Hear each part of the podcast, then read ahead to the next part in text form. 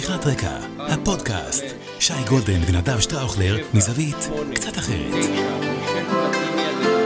שיחת רקע, מתחילים. שטראוכלר, אני יודע שבדרך כלל אתה מתחיל את הפודקאסט, אבל ברשותך, ברשותך, מכיוון שאתה אה, הופך לכוכב טלוויזיה, לנגד עינינו, אין דרך אחרת לומר את זה. אתה מופיע בטלוויזיה יותר ממני בשנה האחרונה. אני רוצה לתת לך, כחבר, אפשר לומר אח גדול, כמה כלים תן לי, תן לי. בוא, נעשה, בוא נתחיל בשיעור הראשון, כיצד פותחים פודקאסט, ואז אתה תמשיך משם, זה הולך ככה.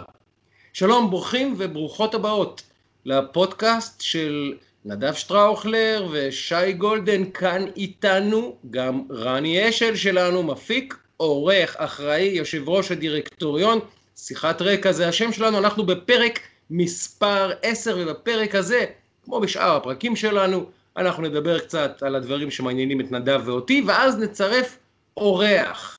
אורח שגם אתם, אני חושב, תרצו לשמוע מה יש לו לומר. נדב, אנחנו מתחילים. אתה מבין? אתה, אתה, אתה קולט את ה... אגיד לך אבל מה, זה, זה, רואים שזה זה, זה פינס, אתה מבין? זה מקצוענות שייקח לי עוד כמה שנים ל- להגיע לה, אבל אני עושה שיעורים טובים, זה, זה, זה, זה, זה השיעור מוצלח במיוחד מבחינתי. אתה מבין? קודם כל אתה אומר את השם שלך, אתה מציג את, ה, את, ה, את, ה, את, ה, את, את, בר, אה, את, את, את הבר שיח שלך, ואז אתה נותן קרדיט לרני שלנו, שהוא חייב לקבל את הקרדיט, כי הוא, הוא... אין פודקאסט בלי רני, כן? יפה. אז אתה אומר בגדול מה יהיה בפודקאסט, אתה נותן את ה... עושה טיזר לאורח, ויוצא לדרך. שמע, אה, אני, אני, אפשר רק שאלה? אפילו שתיים. אני הייתי מתחיל עם האורחות והאורחים שלנו, הצופות והצופים שלנו, אחר כך יגידו שאנחנו, לא יודע, כל מיני דברים אחרים, ואנחנו, יש לנו תשומת לב ולב רגיש מאוד לנשים ול- ולעוקבות ולצופות. נכון, אני חייב להגיד לך שדבר מאוד מעניין קורה, והוא שאני יותר, ביותר ויותר פוסטים בפייסבוק שלא אני כותב, שמישהו אחר כותב. נגיד אצל גלית דיסטל, לפחות 4-5 תגובות ראיתי בשבועיים של- שלושה האחרונים, מתי תתארחי כבר בפודקאסט של נדב ושי? אני לא צוחק. באמת? וואלה? כן, אנשים, אנשים, בלי שאני מופיע, בלי שיש דרישה לזה, פתאום אני רואה שמישהו אומר, את צריכה להתראיין אצל נדב ושי בפודקאסט, זה הפודקאסט היחיד שנותן פתחון פה, בלה בלה בלה. אני אומר, וואלה, הצלחנו כבר אה, לחדור כ, כמותג תוכן קטנטן וחמוד, אבל כבר מתחיל לתפוס, מתחיל לתפוס הדבר. אה, זה, זה כבר לא כזה קטנטן, אנחנו כבר עברנו את 300 אלף צפיות והאזנות, זה לא מעט, כן. לא, בטח זה- בזמן קצר. אנחנו חוגגים היום תוכנית מספר 10, אנשים לא רואים, אבל אני היום הצטיידתי בחולצה ש... זה לענייני טעם, אני במספר 10, שבאמת מהגדולים בהיסטוריה, לדעתי, כן. אה, כן. מישל פלטיני האגדי, אה, אז זה, זה לכבודו, מספר 10, תוכנית מספר 10, לכבוד אה, מישל פלטיני, וגם זה יובה, ואני עם הנרטיב של רונלדו, אני בטים רונלדו בקטע הזה של רונלדו מסי, אז uh, ראיתי שהוא עם קורונה וכאלה, אז הנה, אנחנו מביעים פה סולידריות, אתה מבין? סולידריות. אני אגיד לך, א', א', חשבתי שאתה עושה מחווה לרונלדו, אבל מחווה לפלטיני ועוד מספר 10 בפרק העשירי זה תמיד מדהים. יש לי בעיה אחת, לא עם פלטיני, פלטיני הוא מלך, אין, אין, אין מילה רעה לומר עליו, הוא גאון. עם זידן, עם זידן. כי כשזידן הגיע, וזידן הוא באמת אחד מהגדולים שראינו בכל הזמנים, אין, דברים כאלה. אז אמרתי לעצמי בלב, הוא לקח לי את היכולת לומר, ראיתי את מספר 10 הכי גדול בכדורגל הצרפתי בכל הזמנים.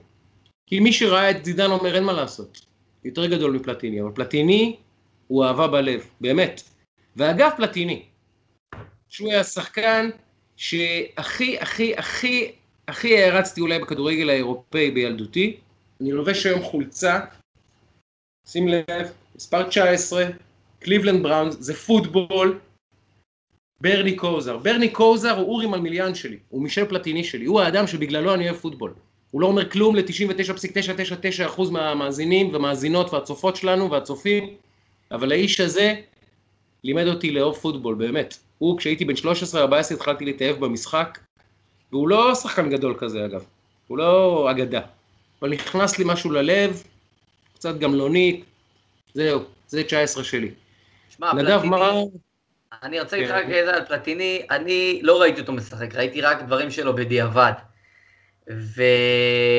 ואתה רואה דברים, אתה יודע, זה ניצוצות שאתה רואה בשחקנים מאוד מאוד מאוד מסוימים. ואת החולצה הזאת קניתי לפני איזה 15 שנה באיזה מקום הזיות לחלוטין. אני לא האמנתי שאני רואה את החולצה הזאת, זה היה, לא משנה כמה זה עולה, אתה, אתה לא רואה, זה לא משהו שרואים. אה, אז שנינו חולי אה, אה, חולצות אספנות, כאלה מיוחדות, אז באמת פלטיני, מספר 10, אגדי. אני חייב להגיד לך שה... שדל פיירו גם, אחד האהובים עליי מאוד, אפרופו יובנטוס ואפרופו, אז גם, גם שם. תשמע, דיברנו על פלטיני, דיברנו על באמת על uh, דברים גדולים, ובאמת גם היה, אתה יודע, שבוע גדול, כאילו, אנשים, אני לא, לא יודע אם זוכרים, פעם היה שמחת תורה, זה נראה כמו לפני כאילו 200 שנה, אבל היה שמחת תורה מבחינתי של ההזיות. כלומר, uh, אתה יודע, אני רגיל לשמחת תורה וספרי תורה, וכולם מתחבקים, ו... ופתאום שמחת תורה בחוץ, כשאנשים שומרים על ריחוק, שזה הפוך, הפוך, הפוך משמחת תורה, היה קטע מטורף. שהיה שם הקפות מאוד מגודרות, מאוד מסודרות, מאוד כאילו, זה השמירה. איך עושים הקפות בתנאי בידוד? תנאי לא בידוד, חוק חברתי. בחוץ, הכל היה בחוץ כמובן, ושמו שם איזשהו אה, שולחנות אה, כזה באמצע, היה מצחיק, כי שמו, כי צריך להקיף בכל זאת, היה, היה באמצע שולחן וכאילו מרחק, היה על השולחן בקבוקי ערק ואלכוג'ל, זה כאילו מה שהיה, ומרחק בין אנשים הספר תורה, ולא הרבה אנשים החזיקו ספרי תורה וכולי. ואז הייתי עם אה, חבר בן שיחי, שעמדנו כזה במרחק אה, יחסית מהזה, ואתה יודע, מהשמחה, החבר שהיה עם הספר תורה מסתובב, ובא, ואנחנו ככה מדברים בינינו, והוא פתאום מגיע עם הספר תורה, כאילו, לחבר שלי, ובאינסטינקט, רק שתבין כמה אנחנו כבר... באינסטינקט, החבר שלי בא, נתן מרפק לספר תורה, אתה יודע, לא, לא הגיש את היד, לא חיבק, לא... ואמרתי לעצמי, תראה מה זה, שמגיע ספר תורה אליך, זה, זה דבר הרי לאנשים שהם, אתה יודע, בתוך העניין, וגם אני מניח אנשים שפחות, מגיע לך ספר תורה, אתה, האינסטינקט שלך הוא לנשק אותו, אם אתה בטח בשמחת תורה, לקחת אותו עליך, זה, זה כמעט אינסטינקט, לפחות בשבילי. ופתאום, ה, ה, ה, במקום להושיט היד, במקום זה, הוא נתן את המרפק, וזה היה ה"ואהבת לרעך כמוך" הכי יפה שיש, כי מה שהוא עשה בזה, הוא שמר על הסביבה שלו.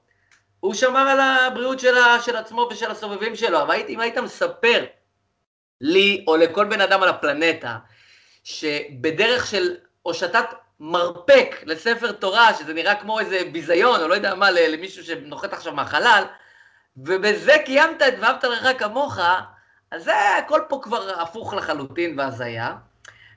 ולצד זה, גם בשכונה שלי, משהו קצת פחות אה, משמח ומגניב בעיניי, גם קרה השבוע.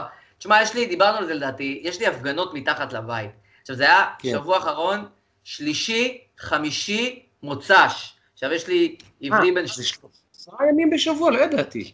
שלישי, חמישי, מוצ"ש, זה היה לפחות בשבוע החולף. זה הר קשוח. קשוח. זה קשוח. קשוח מאוד, וקשוח גם עם עברי בתוך האירוע הזה של ההרדמות ועניינים, כי זה בול בשעה.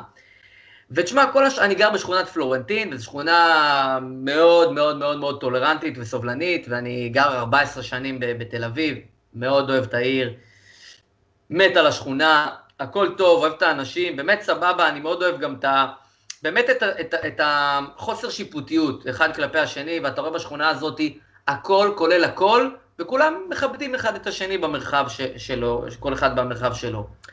ובימים האחרונים, זה גם שכונה עם הרבה מאוד uh, ציורים וגרפיטי וכאלה של אומנות, ובשבוע האחרון ממש יש פה מכה של, כאילו זה לא מכה, זה מוכוון, כן, אבל מלא מלא מלא גרפיטי וריסוסים עם כתובות, אתה יודע, שקרן, גנב, בוגד, הון שלטון, עולם תחתון. עכשיו, זה לא בקטנה ספורדית, כל הרחוב שלי על ה... כאילו, על הכביש, בכניסה לבניין שלי, אה, על הפחים, בכל מקום, עכשיו גם דברים נוראים, דיקטטור, אה, זה, ארדואן, כל מיני דברים כאילו, שהם באמת, אה, אתה יודע, גבול מעבר אפילו לפעמים לגבול הטעם הטוב, אני מכבד והכל בסדר, אבל אני לא מת על זה, כאילו, בטח כשזה כבר ממש בצורה בוטה. אבל סבבה, אתה יודע, אני לא, כאילו, אני מיעוט פה ב- ב- באירוע, זה בסדר, אני מקבל. ואז אה, באחת הקבוצות, קבוצת תושבי שכונת פלורנטין, שהיא קבוצה שכזה כל מי שגר פה באזור מכיר, או אי פעם גר פה מכיר, היא קבוצה מאוד דומיננטית. מישהו העלה תמונה, ממש מהרחוב לידי, שמישהו אה, תלה שלט, שהיה כתוב בו, נתניהו, אה, מנהיג טוב לישראל. משהו כזה. ומה שכתבו על התמונה הזאת, מה שמי ש... הכי אה, גנרי. כן, משהו פוזיטיבי בכלל, אפילו לא, אה, אפילו לא שלילי, ממש שלט אה, כמעט באמת גנרי, כאילו בקטע של נתניהו, והוא כתב, מישהו פה מחוץ לשכונה בא לעשות פרובוקציה. עכשיו, למה זה עצבן אותי? א', אח שלי, הכל פה פתוח, הכל חופשי, מה הפרובוקציה בלהגיד נתניהו מנהיג טוב לישראל? אפשר לא להסכים, אפשר לא לקבל, אפשר לאהוב יותר, אבל בוא, אם אני טולרנטי פה, ואחרים גם, אני בטוח, יש פה עשרות אנשים שהצביעו מחל ב... ו- וימינה ועוד מפלגות אחרות שהן לא אנטי נתניהו לצורך העניין, אבל אם האנשים האלה טולרנטיים כלפי הדבר הזה, אז נתניהו מנהיג טוב לישראל, זה כזה פרובוקציה? אחד. שתיים, מה זה מישהו שבא פה מחוץ לשכונה? מה זה ה, כאילו ה, ה, ה, הקטגורית הזאת שכולנו פה איזה, איזה שבט אה, כאילו עם תפיסה מאוד מסוימת, ומה שלא הוא לא מקובל. זה עצבן אותי, כי כאילו אני אומר, כולם פה טולרנטים להכל, עד שזה פלורליזם והכל אה, הרמוניה, עד שזה מגיע לנתניהו, לא, זה כבר פרובוקציה, זאת כבר התגרות. וזה נראה לי אנשים קצת התבלבלו, כי אם אתה בעד חופש ביטוי ואתה בעד דמוקרטיה, אני חי בשלום זה שמפגינים לי מתחת לבית, אני חי בשלום עם כל מיני דברים אחרים, תחיה בשלום גם עם זה. מה, מה קרה? מישהו עודד את נתניהו, מה קרה? עצבן אותי. זהו. אספר לך סיפור גם. אני, אה, יש לי חבר לא חשוב באיזה אדם, הולך לעשות פעילות גופנית באיזה פרקון בבנימינה, קצת אימוני כושר, קצת אה, להזיז את השרירים וזה. מוקד של הפגנה 15, 20, 25 חבר'ה. מפגינים, שלטים, אה, ספירות, וואטאבר, זמבורות, מה שהם עושים זה, והם לא ממש מקפידים על ריחוק חברתי, לא ממש, לא ממש מקפידים, אבל הוא ממשיך בענייניו, לא מפריע לו כלום, ואיזה גברת אומרת לו, תגיד, למה אתה לא עם מסכה? אומר לה, כי אני בפעילות גופנית. היא אומרת לו, אבל אסור לך להסתובב פה. הוא אומר לה, אני לא מבין, למה אסור להסתובב פה? היא אומרת, כי אתה צריך להיות בסגר. הוא אומר לה, אה, הבנתי, תקשיבי, אה, ביבי לכלא, ביבי מושחת, אה, שוחד מרמה, הפרת אמונים, עכשיו זה בסדר, אני יכול להמשיך להתאמן? ובעצם, מה הנקודה, מה הסיפור הזה מנסה לומר? שכאילו אנשים עיוורים לדבשת שלהם. היא ישבה שם באמת, הגברת הזאת, אין לי מילה רעה לומר עליה, אני מניח שהיא שכנה שלי ואני אפילו כנראה אומר לה שלום ברחוב. היא ראתה מישהו מתאמן, וזה הפריע לה שהוא יפר את הסגר. אבל מאחוריה, מאחוריה, מאחוריה, בתוך קהילה שהיא חלק ממנה, יש גם כן הפרות של הסגר והריחוק החברתי וכל הכללים, ואנשים רואים רק את הדבשת של אחרים. זה היה כל כך מדהים. זה לא משל על זה שהשמאלנים צבועים, זה משל על זה שאנשים רואים רק את הדבשת של אחרים, הם לא רואים מה יש להם על הגב, וזה מזעזע. גברת, אין בעיה, אם את רוצה שכולנו נהיה בסגר, נהיה בסגר. אם עכשיו ראש הממשלה יחליט ביחד עם משרד הבריאות, כולם צריכים להיות בבית, מי שרוצה לעשות כושר שיעשה שכיבות צמיחה בסלון, זה מה שנעשה באהבה, באהבה. אבל אל תגידי לי, אני יכולה להפגין פה ולעשות מה שאני רוצה, כי אני לוחמת למען הצדק, וכשהוא יוצא החוצה לעשות קצת ספורט ולעשות קצת מתח, אז הוא עכשיו עבריין שמפר סגר, זה לא רציני. זה לא רציני, זה בדיוק השיח הישראלי שבו אתה נהיה כל כך עיוור כבר, אתה נהיה כל כך עיוור לכל דבר שהוא לא התמונה שלך והזווית שבה אתה רואה את המציאות, שאתה פשוט כבר, לא, איך לומר את זה בעדין, אתה אומר דברים לא לעניין, לא לעניין. ואתה יודע איפה זה, איפה זה פוגש אותנו ממש בימים אלה? אני צפיתי בחשיפה של אה, אה, עמית סגל ושל אה, גיא פלג סביב הנושא של היועץ המשפטי לממשלה, שי ניצן, דינו זילבר, כל האירוע המטורף הזה, זה חתיכת, זה רעידת אדמה. אתה יודע, אנחנו ישבנו שנינו עם כנרת בראשי, פודקאסט שלם, היא מספרת לנו מה קורה מאחורי הקלעים בין מנדלבליט ושי ניצן, ומספרת על שי ניצן ועל כל העניין הזה, ואתה אומר, לא שמישהו מאיתנו מערער על כנרת בראשי, ולא שמישהו מאיתנו חושב שכנרת בראשי חלילה משקרת, אבל אתה אומר, היא אומרת את זה, היא כנראה צודקת, ככל הנראה, אין סיבה להאמין שלא, אוקיי, אבל כשאתה שומע את זה באוזניים שלך, כשאתה שומע ממש את, את השיחות האלה, את מה שאומר מנדלבליט, היועץ המשפטי לממשלה, שאומר, שי ניצן מחזיק אותי בגרון, חונק אותי, מחזיק אותי, אתה יודע, זה כאילו, לא יודע, על פניו זה נשמע סחיטה באיומים. עכשיו, עזוב אותך גם מהמינוחים הפליליים, תבין, זה היד שמנענעת את ההריסה, הרי מנדלבליט, במידה מסוימת בעניין הזה, שבול של שי ניצן, אתה מבין? מדברים כל הזמן על זה ש... לא, נתניהו, דיברנו גם עם אלדד יניב, מה אמר אלדד יניב? הוא אומר, לא, נתניהו, אין לו לגיטימציה לנהל, לא כי הוא מושחת, הרי הוא עומד במשפט, יש לו לגיטימציה, החוק עומד לידו, מאיזה טיעון הוא לא יכול לנהל את המדינה? כי הוא מרוכז במשפט שלו.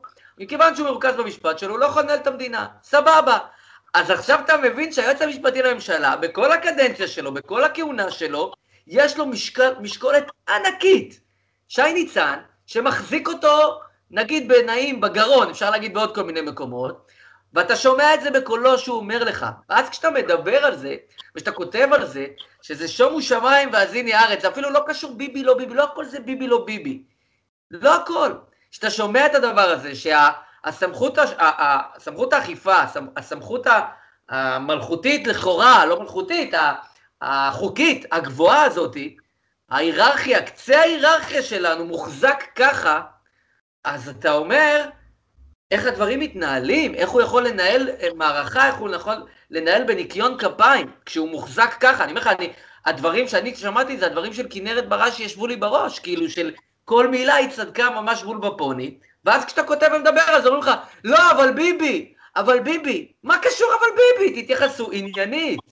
האם בעיניכם אדם שמוחזק ככה על ידי מספר 2 שלו, שבא עם מוטיבציה מסוימת, האם הוא יכול להיות, אה, לעמוד בראש מערכת? האם הוא יכול לנהל מערכה כזאת כשכתב אישום כלפי ראש הממשלה, אבל, אבל גם עוד מלא מלא סוגיות אחרות שאנחנו לא יודעים מה האינטרסים של שי ניצן, שלכאורה מחזיק אותו בגרון.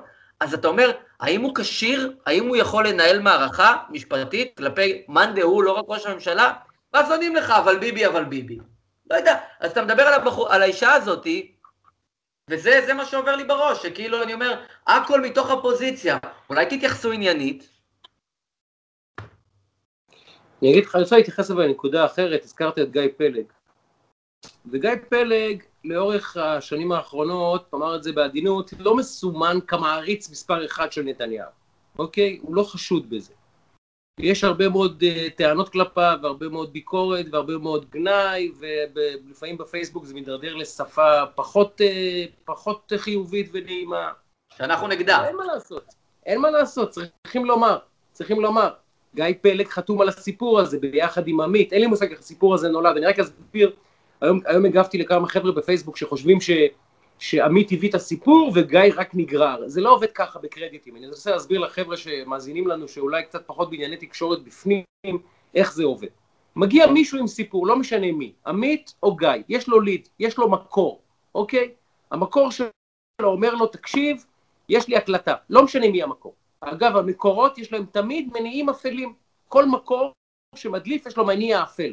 יש לו אינטרס, יש לו מוב, הוא רוצה לפגוע במישהו, הוא רוצה לנקום במישהו, כל, כל קידוש, כל ידיעה שהגיעה אליכם ומקור הופעל בה, וזה רוב הידיעות הם כאלה, יש מאחוריה מישהו שהוא, יש לו בטן מלאה על מישהו והוא רוצה להזיק למישהו. אז בואו לא נעשה בחינה של איזה מקורות הוגנים ואיזה לא. מגיע איזה מקור עם ההקלטה הזאת. נגיד שהוא מגיע לעמית סגל, לא לגיא, לעמית סגל.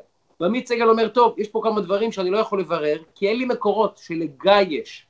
יש אנשים שיכולים לאשר את ההקלטה הזאת שהיא נכונה ואותנטית, ואולי להביא עוד דברים שאני ואתה לא יודעים מאחורי הקלעים, שאני, עמית, לא יודע להביא. הוא פונה לגיא פלג, אומר לו, אחי, אתה יכול לעזור לי ולהשיג לי אישור על זה ועל זה ועל זה, ואז גיא פלג הולך ועושה הצלבה. עכשיו, גיא פלג יכול, אם הוא רוצה, להפיל את הסיפור. הוא יכול לחזור לעמית ולהגיד לו, אחי, עזוב, דיברתי עם פלוני או אלמוני, והוא אומר שזה קשקוש, שזה בכלל קשור ל... סכסוך שיש להם על עוזרת בית, לא קשור לשום דבר, אחי, תאמין לי, אל תתרגש. אבל גיא פלג עושה עבודה עיתונאית, מאלף ועד תף, ויותר מזה, שם את השם שלו בפרונט, שם את השם שלו בפרונט, בעידן שזה לא פשוט לעיתונאים היום לשים את השם שלהם בפרונט, בביקורת כל כך גלויה על מערכת המשפט, בטח אדם שמי שיודע, כמו, כמו גיא ניזון, יש לו הרבה מאוד ביקורת בתוך מערכת המשפט, הרבה מאוד ביקורת בתוך מערכת החוק והצדק, והוא מפרסם את הדבר הזה בכל מקרה. אז צריכים לומר גם, הנה גיא פלג, אנחנו מדברים הרבה על התקשורת ועל זה שהיא עושה את עבודתה ועושה איפה ואיפה, ואגב, נגיד בסוגריים, במאמר מוסגר, אחרי שאני מחמיא לגיא פלג, הפולו-אפ על הסיפור, מה שנקרא, זאת אומרת, הדרך שבה כלי התקשורת התייחסו לסיפור היא בעיניי מזעזעת, עלובה וקטנה ומגמדת את הדרמה. יש פה דרמה גדולה, גדולה, גדולה, גדולה, גדולה, גדולה במדינת ישראל ובמערכת הצדק. עזבו שנייה את נתניהו. יש פה דרמה גדולה במערכת הצדק שלנו, משהו רע מאוד קורה שם. רע מאוד קורה. בחלונות הכי גבוהים של מערכת הצדק, וחברים, מי שחושב שזה רק משפיע על משפט נתניהו לא מבין. זה משפיע גם על האזרח הקטן, עליי, על נדב, על רני אשל, על האורח שלנו, אפשר לתפור לכולנו תיק, אפשר להחזיק את כולנו בגרון, כמו שאומר מנדלבליט. אני ואתה וכולנו מכירים אנשים שיש להם תיקים שנסחבים שנים, שנים, עינוי דין, יש לי חברה שבאמת יש לה איזה תיק אה, צווארון לבן, שאני אומר לך באחריות, אין לה יד ורגל בו, והיא כבר ארבע חמש שנים בת ערובה של הפרקליטות. ארבע חמש שנים היא לא מקבלת צדק, ארבע חמש שנים דוחים אותה ב... עוד לא נסגר התיק, כן נסגר התיק, צריכים לבדוק, צריכים זה, בינתיים אין לה עבודה, ו... והיא כל מיני מקומות, אני לא רוצה לחשוף שום דבר עליה, כל מיני מקומות שהיא הייתה בקשר איתם, נאלצו לנתק את הקשרים בגלל החשד הזה. הם מחזיקים את כולנו. הבעיה היא לא בי ובך ובנתניהו, הבעיה היא שמערכת הצדק שלנו, משהו בה לא עובד, משהו בה לא טוב. ומי שלא מבין את הסיפור הזה ורק רואה את זה מבעד לעיניים של ההפגנות ושל ביבי, מפספס פה משהו ענק, ענק. שקורה, וצריכים להגיד לגיא פלג, כבוד גיא, כבוד ששמת את השם שלך, כבוד שעשית את הטלפונים האלה והבאת את המקורות שהיית צריך להיאבק כדי להשריר את הסיפור הזה, אבל לכם המאזינים שלנו אני אומר, עזבו שנייה את נתניהו, מערכת הצדק שלנו חולה, הסיפור הזה מוכיח שיש שם משהו לא בסדר, והעובדה שכל כלי התקשורת לא עושים היום באמת קרנבל, קרנבל מהסיפור הזה. אלא רק חדשות שתיים שהביאו את הסיפור הזה עושות, עושים עליו פולו-אפ, היא מאוד מדאיגה בעיניי. מאוד אגב, מדאיגה בעיניי ציבורית ואזרחית. אגב, מעניין, אני לא זוכר סיפור שעמית וגיא הביאו ביחד, לא זכור לי, ממש לא זוכר סיפור, זה מעניין, עכשיו אני לא נכנס ל... אנחנו בשיחת רקע, אני לא נכנס פה למה היה ברקע ואיך ומה בדיוק קרה ממה שאני יודע וגם ממה שאני לא יודע, אבל הם שניהם, כמו שאתה אמרת, חתומים על הידיעה, וזה אומר משהו גם על עוצמת הסיפור, אפרופו גם במה שה... מערכת החליטה לשדר באיזשהו מקום, ו... ואתה אומר שהסיפור לא מקבל מספיק אה, מה שאנחנו קוראים פולו-אפ ו... וחיזוקים ותימוכין והדהודים של העניין, ו... וזה לוקח אותי גם לאותם ארגונים, שאתה יודע, התנועה לאיכות השלטון, יש, יש תנועה כזאת, אליעד שרגד, אה, עורך הדין, ג'ינג'י כזה, מוכר בתקשורת, המון שנים. יש המון המון תנועות כאלה של התנועה לזה, התנועה להוא, כל מיני שמות אובייקטיביים לכאורה. אתה יודע, ואתה מסתכל על התנועה לאיכות השלטון. ואני אמרתי, חשיפה מטורפת, זה, זה באמת, זה האוזניים כאילו בוערות. הייתי בטוח, לכאורה, שהתנועה לאיכות השלטון, דקה אחרי זה, בשמונה וארבע דקות, היא תתפוצץ. שמונה וחצי, תשע, עשר, אחת עשרה, בבוקר תעשה מסיבת עיתונאים, משהו. כלום. לא עשו כלום. נכנסתי לעמוד פייסבוק שלהם, נכנסתי לטוויטר שלהם, נכנסתי לאתר שלהם, נכנסתי לכל מקום שאתה לא רוצה. הכל, אתה יודע מה? צוללות, צוללות, צוללות, צוללות, 200 פוסטים צוללות, 300 ציוצים צוללות, עוד 500 ציוצים ו- ופוסטים ו- וכתבות על ההפגנות. ועל זה כלום. שום דבר, אף מילה, אף פסיק, אף ציוץ. עכשיו, אתה אומר, אח שלי, אל תקרא לזה התנועה לאיכות השלטון, כי אתה שקרן. כי אם היית התנועה לאיכות השלטון באמת, אז זה הדבר הראשון שאתה היית מתעסק איתו דקה אחרי הדבר הזה. היית משתולל, היית... אם איכות השלטון באמת חשובה לך, היית עכשיו יוצא לרחובות, היית מקדם הפגנות מול אה, הבית של לא יודע של מי, אם אתה כל כך מהדהד את הדמוקרטיה וההפגנות ואיכות השלטון. הרי מה זה אם לא איכות השלטון? שאנחנו שומעים שיחה כזאת שמתגלה בתקשורת. אז, אז, אז או שאתה לא התנועה לאיכות השלטון, ואתה שקרן, אתה פשוט משקר על השם שלך, או שתבוא, תגיד אני יש לי אג'נדה, אני רוצה להוריד את נתניהו, זה כל עיסוקי, בזה אני מדבר, ותקרא לעצמך בהתאם. אבל כשאני רואה אפס תקשורת ואפס אמירה ושום מינוף, אתה מדבר על הפולו-אפ של תנועה כמו התנועה לאיכות השלטון, אז זה שרלטנות, זה לעשות צחוק מעבודה, תשנו את השם. סליחה שאני אה, אגיד משפט שעשוי להישמע פופוליסטי. עד פופוליסטי. אבל אם הייתה בידי המשטרה הקלטה של אה, נוני מוזס אומר אה, נתניהו מחזיק אותי בגרון, או של מישהו אומר, של שאול אלוביץ' אומר, נתניהו תופס אותי בצוואר, או נתניהו תופר לי תיק, או מילים מאוד ברורות אמר אתמול מר מנדלבליט, אדם שאפשר לומר עליו הרבה דברים, אבל הוא שולט בחוק הישראלי והוא מבין מה המשמעות של הדברים שהוא אומר כשהוא מדבר עם עורך דין בכיר. הוא לא מדבר עם חבר שלא מבין את השיח, הוא מדבר עם אפי נווה... ראש לשכת עורכי הדין. ראש לשכת עורכי הדין. הם מדברים שיח שמשפטנים מבינים אחד את השני. כשאחד, כשמשפטן אומר למשפטן, תופרים לי תיק, בתוך הפרקליטות, דינה זילבר, בכירה בפרקליטות, כשפרקליט בכיר אומר לפרקליט בכיר, לא פחות, מחזיקים אותי בצוואר, אז שני הפרקליטים מבינים משפטית מה המשמעות. אז אני אומר, אם המדינה לא רועדת, לא רועדת, לא רועדת מהסיפור הזה, אגב, שוב, אני לא פרקליט, אני גם לא איש משטרה, אני רק אזרח, ואני אומר, אם זו לא עילה לבדיקה, אני לא יודע אם זה בדיקה של ועדת חקירה, אני לא יודע אם זה בדיקה של המשטרה, אני לא, איזה, לא יודע אם זה בדיקה של אה, נשיאת בית המשפט העליון, אם יש לה כלים כאלה, אני לא יודע מי צריך לבדוק, אבל צריכה לעשות בדיקה רשמית, שבה מר מנדלבליט צריך לשבת בפני חוקר או בודק ולהסביר למה התכוון בדבריו. לנו כציבור מגיע לשמוע את זה. אני לא אומר שזה פלילי, אני שוב, אין לי שום טענה כזאת, אני לא עורך דין. אני אבל כאזרח רוצה לשמוע תשובה, לא לתקשורת, תשובה שמר מנדלבליט וגם מר ניצן נתנו בפני גורם מוסמך, ועדת בדיקה של משרד המשפטים, מה שזה לא יהיה.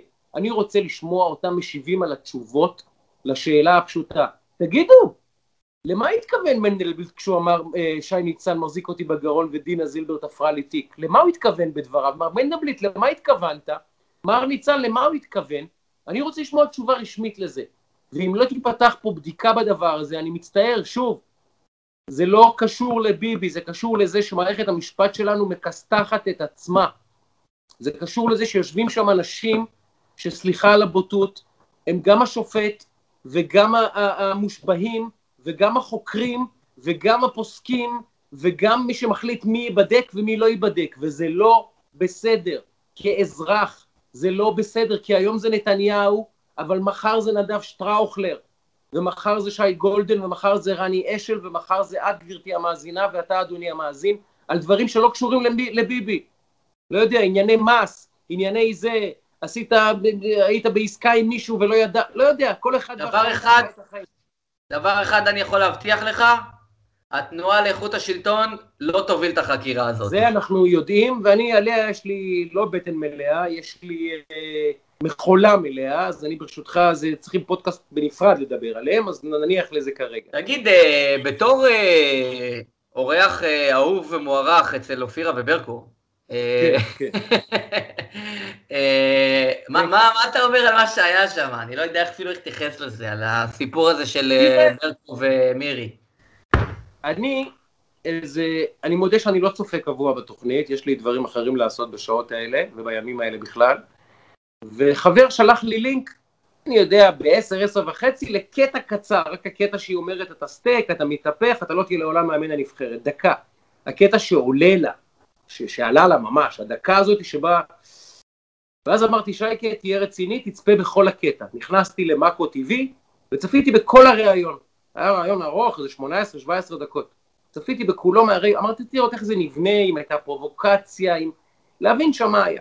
עכשיו אני אגיד משהו במאמר מוסגר, הייתי אצל אופירה וברקו, ויש שם משהו נורא תיאטרלי ומשחקי ומבוים בתוכנית, חייבים להבין את זה.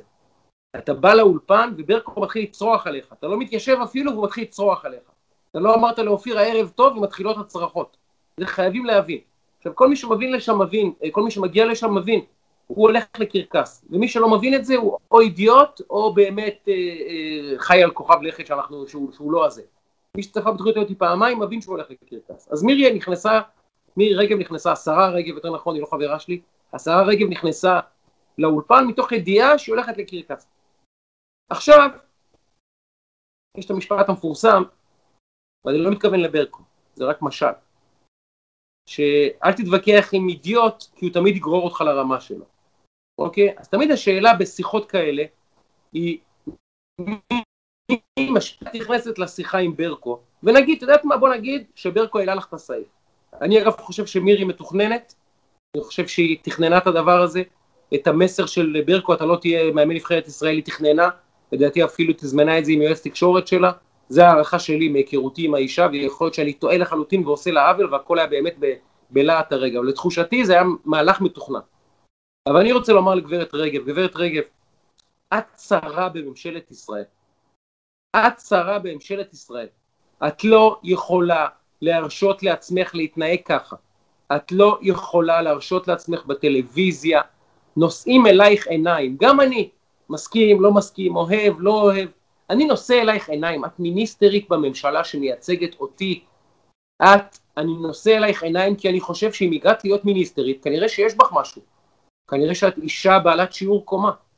כשאני מדברת כמו, סליחה, אחרונת התגרניות בשוק, אז אני כאזרח אומר זה לא טוב, זה לא טוב שהאדם הזה יושב בממשלה שלי, וזה לא קשור לימין, וזה לא קשור לשמאל, יש גם התנהגויות דוחות ובוטות של פוליטיקאים מהשמאל שאתה מסתכל ואומר באמת אחי ככה אתה מדבר? מה זה צורת דיבור הזאת? מה זה התרבות דיבור הזאת?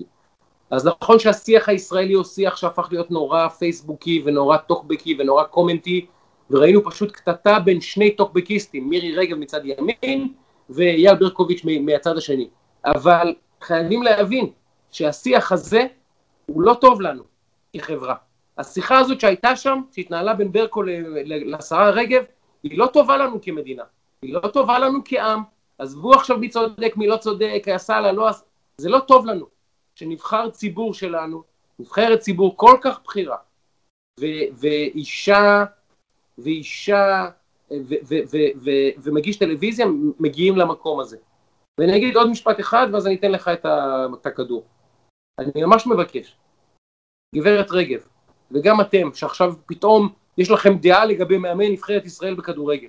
חברים, אם אתם לא מתעניינים בנבחרת ישראל בכדורגל באופן קבוע, אז בבקשה, אל תהפכו את הסיבוב הפוליטי הזה לעילה להביע דעה על כדורגל. יש לנו דבר אחד במדינה שעוד לא התלכלך עד הסוף, זה ספורט. דבר אחד שאנחנו מנסים להוציא את הפוליטיקה ממנו. אחד, אחד. בכל דבר יש, יש, יש פוליטיקה. בחינוך, בבריאות, ב, ב, איזה מחלפים נפתחים ונבנים בתקציבים, הכל פוליטי. בספורט אנחנו מנסים, לא מצליחים תמיד, אבל מנסים שזה יהיה שלנו, רק ספורט. וכמו שאמרת, נבחרת ישראל, חצי מהנבחרת שחקנים ערבים. ו- וזה טוב, זה מה שיפה, ספורט מקרב לבבות. הרי 90% מהאנשים שאמרו, ברקו זה, וברקו יטריד מינית מישהי, וברקו כזה, וברקו כזה, לא יודעים מה שם מאמן הנבחרת הנוכחית. אז מה אתם מביעים דעה? די, זה לא רוצים, זה שרציתי לומר. אני רוצה, אני רוצה להוסיף עוד אה, דבר אחד לפני שאנחנו נקבל את האורח המכובד, האהוב עליי מאוד מאוד מאוד מאוד. אני אגיד רק דבר אחד, אה, קודם כל אני מאוד מסכים לגבי מה שאתה, שאתה אומר של השיח, תרבות השיח והדברים האלה שאנחנו מדברים עליהם, שאפשר, אתה יודע, אבל בסוף כולם, אתה יודע, מדברים גם באיזשהו מקום לבייס ולזה וזה, וזה, אני, אני מסכים מאוד שזה לא מייצר את האפקט שצריך לייצר בטח על המסך, בטח בסיטואציה כזאתי, ואני רוצה לתת לך את הקונטרה דווקא מהכיוון שבו אנחנו עוסקים, ואפרופו במה כן צריך לעסוק, ואנחנו היום, ואנחנו מזכירים את זה בכל תוכנית, ואנחנו נמשיך כך, אנחנו היום 2,230 ימים שאברה מנגיסטו נמצא בשבי של החמאס, ואנחנו... אה, מקפידים אה, להזכיר את הדבר הזה בכל אה, תוכנית, ואני חושב שזה חשוב, ואני שמחתי מאוד לראות שגם אתה אה, גם הצפת את זה, וגם דיברת על זה, וגם מנשנת את מי שצריך וכולי, ואני רוצה להגיד לך, א', שזה נותן כוח שם למשפחה, ושבאמת, כאילו, אתה יודע, זה... דיברנו על זה כמה פעמים, שהמשפחה שה, הזאת, כאילו, בסופו של דבר, אנחנו מדברים על האדם החלש בחברה, ואנחנו מדברים על מישהו שבאמת, אנחנו, כולנו כבית"רים בכלל, אה, מחוברים לערך הזה של לעזור לחלש, והשיח של איך קרה, מה קרה, הוא פשוט לא רלוונטי. אנחנו, יש לנו, יש לנו בעניין הזה שגרירות, שליחות ותפקיד, אה, וזה להציף את זה ולעשות כל אחד ככל שביכולתו, כי בסוף אה, זה... אחים אנחנו, וכולנו באותו, באותו מקום, וצריך לעזור ולהשקיע. לכן אנחנו גם, לי... גם היום מזכירים, וזה חשוב. יש לי אתגר לפני שנפנה לאורח התותח שהבאנו היום, אתגר למאזינות ולמאזינים שלנו. 2230 יום זה שש וחצי שנים. נסו חמש שניות לעצור, לעצום עיניים ולחשוב איך נראו החיים שלכם לפני שש וחצי שנים. איפה הייתם? מה עשיתם? בני כמה היו הילדים שלכם? מה היה מקום העבודה שלכם? איפה גרתם אולי? היה לכם שערות? לא היה לכם שערות? ההורים שלכם היו בחיים? לא היו בחיים? תחשבו מה קרה לכם שש וחצי שנים! שש וחצי שנים הילד הזה יושב שם. שש וחצי שנים. תחשבו על השש וחצי שנים שעברו עליכם בחיים, חיים מלאים.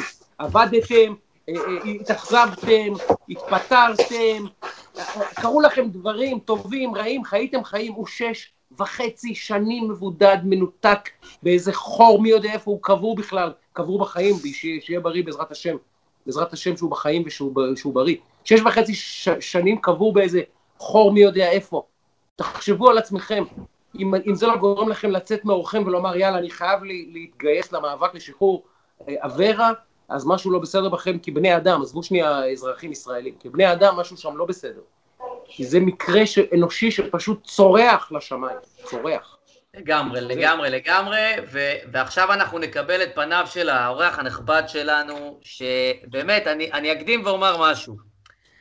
אה, מדובר בבן אדם שאנשים לא יודעים, אני מתנצל שאני אומר שבחו של אדם בפניו בעניין הזה, אבל מדובר במנץ', אבל במלוא מובן העניין. זה מענץ' אמיתי. אנשים לא יודעים כמה דברים חיוביים האיש הזה עושה, ומנטור של כמה אנשים הוא, ולכמה אנשים הוא מסייע, שזה לא מגיע לתקשורת, והוא לא מדבר על זה כי הוא אדם צנוע, ואני מאוד מעריך אותו על זה, ואוהב אותו באופן אישי, ו...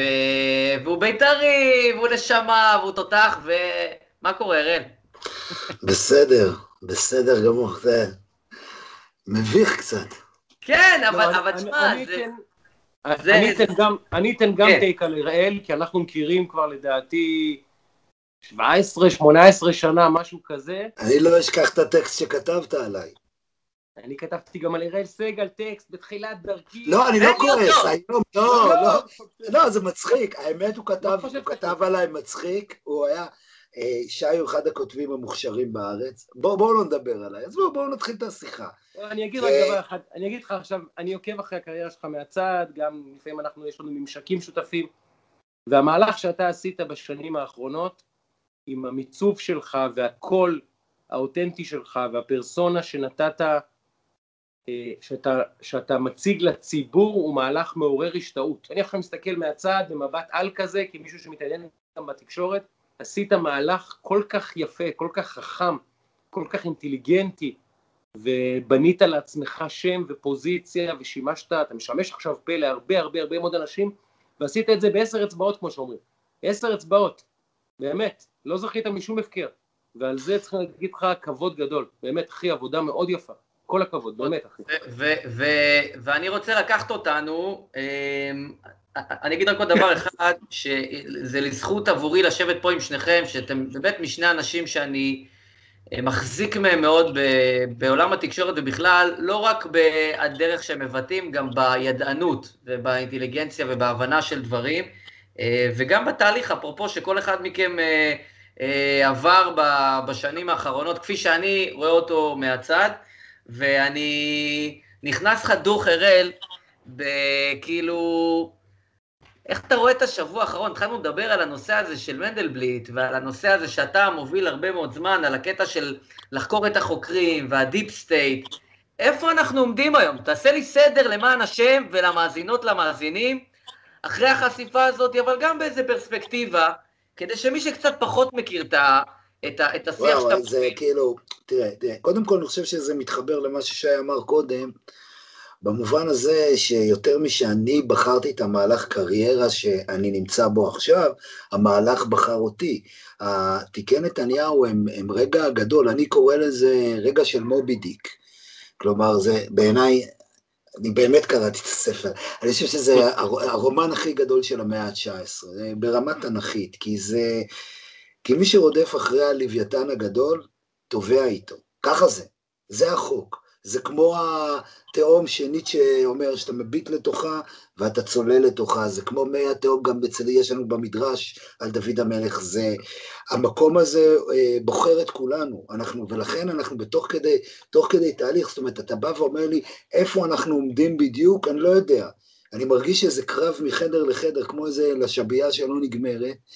הדבר היחידי שבאמת מוביל אותי, בסוף מכל, אתה יודע, בין טמטום של, בין הדברים האמיתיים לבין נגיד טמטום של מיקי זוהר, שכמעט היום הפך את כל הקערה, שאני באמת מרגיש תחושה עמוקה שצריך לתקן פה עוול. ושזה, כאילו, אתה יודע, יכול להיות שזה מגולומן, אתה יודע, נתניהו מגולומן, אחרת הוא לא היה נתניהו. ואם אני עכשיו מרגיש באיזשהו מקום, אני בא ואומר, אני, התפקיד שלי לשמור, כאילו, להיות שם מהרגע הראשון, להגיד, אה, לא בסדר, יש פה, אני מרגיש משהו מסריח, אני מרגיש, אני, אני, אני זוכר דברים שקורים עכשיו, הרגשתי אותם בזמן אמת, לא ידעתי לתת להם שם, ידעתי שאני רואה איזה קצה של קרחון, ואנחנו... כל הזמן מתקלפת עוד שכבה, ואני יודע שאני צודק. כאילו, אני יודע במאה אחוז, ב, ב, אני, זה, זה לא, כי זה לא מגיע מאיזה ידע. זה מתוך תחושת בטן עמוקה, שיש פה עוול. אני גם אומר יותר מזה, ואמרתי, ואתה יודע, יכול להיות שנתניהו היה מסיים טבעי. היה הרבה שנים בשלטון, ובאיזה תחושה, ויכול להיות שהתחושה של עייפות של הציבור ממנו וכולי. הרגע הזה שאנחנו חווים אותו, זה לא רגע, זה כבר ארבע שנים, שהן קשורות, אתה יודע, זה אין, אין ספור רעיונות וזהות והכל משמש כמו איזה, כמו איזה בבושקה כזאת, זה מסתיר על זה, אבל זה הכל קשור בנו, בנשמה של כולנו, בתפיסה של כולנו, מה, זה אירוע נפשי עצום שחובה אותו מדינה, ואני ככה קרוב, אני בתוך, ה, בתוך הדבר הזה, ולכן לבוא ולומר לך איפה אנחנו היום, ולנסות ולבוא ולהגיד, אבל מנדלבלט, וזה מה שהוא אמר עליו, המניאק תופס אותי בגרון וכו', ברור, זה ה... זה התפאור, זה הרקוויזיטים של, ה, של האירוע הגדול הזה. ש... אמרתי, אמרתי לנדב לפני שהצטרפת אלינו, שאם הנושא הזה לא נבדק, אני לא יודע באיזה צורה, אם בצ... המשטרה, ועדת בדיקה, ועדת חקירה, מישהו, מישהו רשמי, אומר הנושא הזה מצריך בדיקה. מישהו צריך לשאול את מר מנדלבליט, אדוני היועץ המשפטי לממשלה, למה התכוונת כשאמרת מחזיקים אותי בגרון ותופרים לי תיק, למה התכוונת? תסביר לנו. ומישהו צריך לשאול את שי ניצן ואת גברת זילבר, למה התכוונו כשאמרו שאתם תופרים לו תיק? למה התכוונו?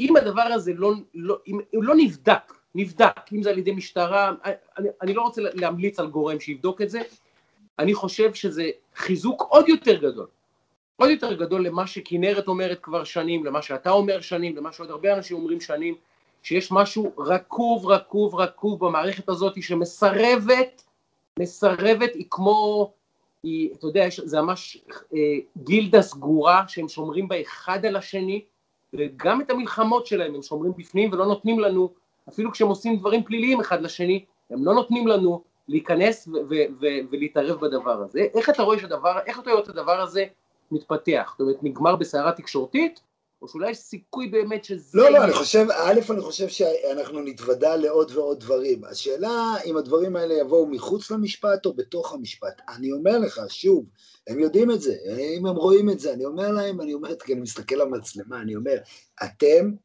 הלכתם לתפוס בצלצל את מובי דיק, ואתם עשיתם כל כך הרבה, אתם תטבעו בתוך הדבר הזה. אז אני, אני מעריך, אני מעריך שזה עוד אחד מהדברים שמצטרפים לתמונה.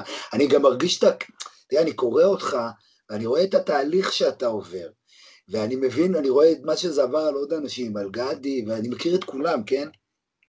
כן. ואני מרגיש את הלהט שלכם כמו שאני, כי אתם, כי, זה פשוט בלתי נתפס, אתה אומר, לא, לא יכול להיות, אנחנו רואים, אנחנו רואים מערכת, עכשיו אני לא בטוח שזה גם ימין ושמאל במובן הקלאסי, זה המערכת, המערכת שומרת על עצמה, היא תמיד תשמור על עצמה, זה מצחיק, זה הכל, אז זה השיחות שלי ושל רועי עידן שזרמו לתוך מנאייק, כאילו לתוך הדבר הזה, מתוך ההבנה שזה... ש, ש, אני חושב שהתחלתי להבין את זה בסיפור דווקא עם המשטרה של ריטמן. שם. הבנתי שבעצם מה שאנחנו חושבים שאנחנו רואים הוא כאן, בעצם מתחת לפני השטח יש מלחמות אדירות של ניצבים וכולי, והם צריכים, הם צריכים scapegoat, הם צריכים שעיר, הם צריכים את, ה, את, הטרו, את הפרס הגדול, את הגביע הגדול, זה נתניהו, ולכן תמיד ילכו אליו. וזה מצטרף לכל, ה, לכל הסיפור של, ה, של המשבר זהות שעובר, שעובר על כולם. תראו, אני, אני בכוונה לא נכנס אתכם לפרטים, אני יכול להיכנס אתכם לפרטים מה, מההתחלה ועד אז להגיד לכם, כאילו, זמנים, אה, תשמע, כאילו מבחינת התיק, אבל אני חושב שמה שמעניין אותי, ואולי תעזרו לי לפענח, בגלל שאנחנו מדברים על אירוע, אני מסתכל, אני אומר, שנאה כזאת אל בן אדם, שנאה שמביאים, אתה כתבת, מביאים ילדים לראות את השנאה ולהגיד בדברי שנאה, זאת אומרת, אני זוכר בהתנתקות שהעיזו להביא, כאילו לסרב, כאילו לפינוי, לא באים נגד, אומרים, אל תפנו אותנו בכלל, מה אתם משתמשים בילדים, איך אתם לא מתביישים להשתמש בילדים, אתם מביאים ילדים להגיד, כאילו, את הדברים הכי נוראים על ראש ממשלה. אתם קבעתם שהוא מושחת, הוא לא נשפט, כן? הוא, יש לו את זכות החפות. אתם קובעים עליו עם הילדים שלכם. אתם השבט הנאור, אתם אלו שתמיד, אני תמיד אפסיד בא, באוניברסיטה, אני אפסיד לכם עם העמדות השמרניות המטומטה, כאילו, הרציונליות שלי מול, ה, מול היופי של מה שאתם מתארים, של אהבת אדם, של שמירה על זכויות אדם, של כבוד, כבוד, איך אמר אהרון ברק, איך חברה נמדדת? ביחס שלה להציר, לאדם הכי חלש, לאדם, לעבריין, לאנס, שם היא נמדדת, שהוא בכלא. עכשיו אתם באים ואתם, אתם כאילו, אתם באורגיה של שנאה, אתה רואה פה, ואז אתה בא ואומר, אבל חייב להיות משהו הרבה יותר גדול מ... מ- מאשר ביבי, הטוטה או הבובת וודו, זה משהו עמוק, ואני חושב שזה קשור למשבר זהות אמיתי שעובר על החברה הישראלית. הוא תמיד יגיע לאותו מקום, על השבר היהודי-ישראלי הזה. ומה קרה לאנשים שהקימו את המדינה, אנשים שעמדו, ומהרגע הזה שבעצם הכוח הפוליטי עובר מהם, אבל מעבר לזה, גם, גם הם חווים סוג של כאילו, אז מה אנחנו? אני חושב שאנחנו, אני חושב שכמה שזה נשמע יומרני, זו, זו השאלה שהם צריכים לשאול, מה, זה מה שנוצר מה, מה, מהסיפור הגדול של הקמת מדינת ישראל, של הציונות החילונית, ה, של מפלגת העבודה, של התפיסה הזאת, מה שנשאר זה לשנוא איש אחד.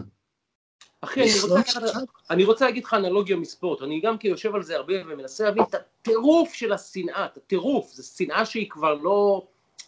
היא הרבה מעבר לפתולוגית, זה כבר שנאה שהיא תכלית הכל, אין, אין מלבדה, אין כלום, אין כלום כבר, אין שום דבר מתחת, מסביב, מעל, אין לה שום ניואנסים, שנאה יוקדת 100%, מ-0 ל-100, בשנייה שנכנסת לאוטו, שנאה 100%. אני מנסה להבין מה הפתולוגיה, ואני חושב שזה יושב על שני דברים, ואני הולך כאן לספורט. נאמר שאתה מתמודד עם קבוצה, מכבי תל אביב בכדורסל, אוקיי?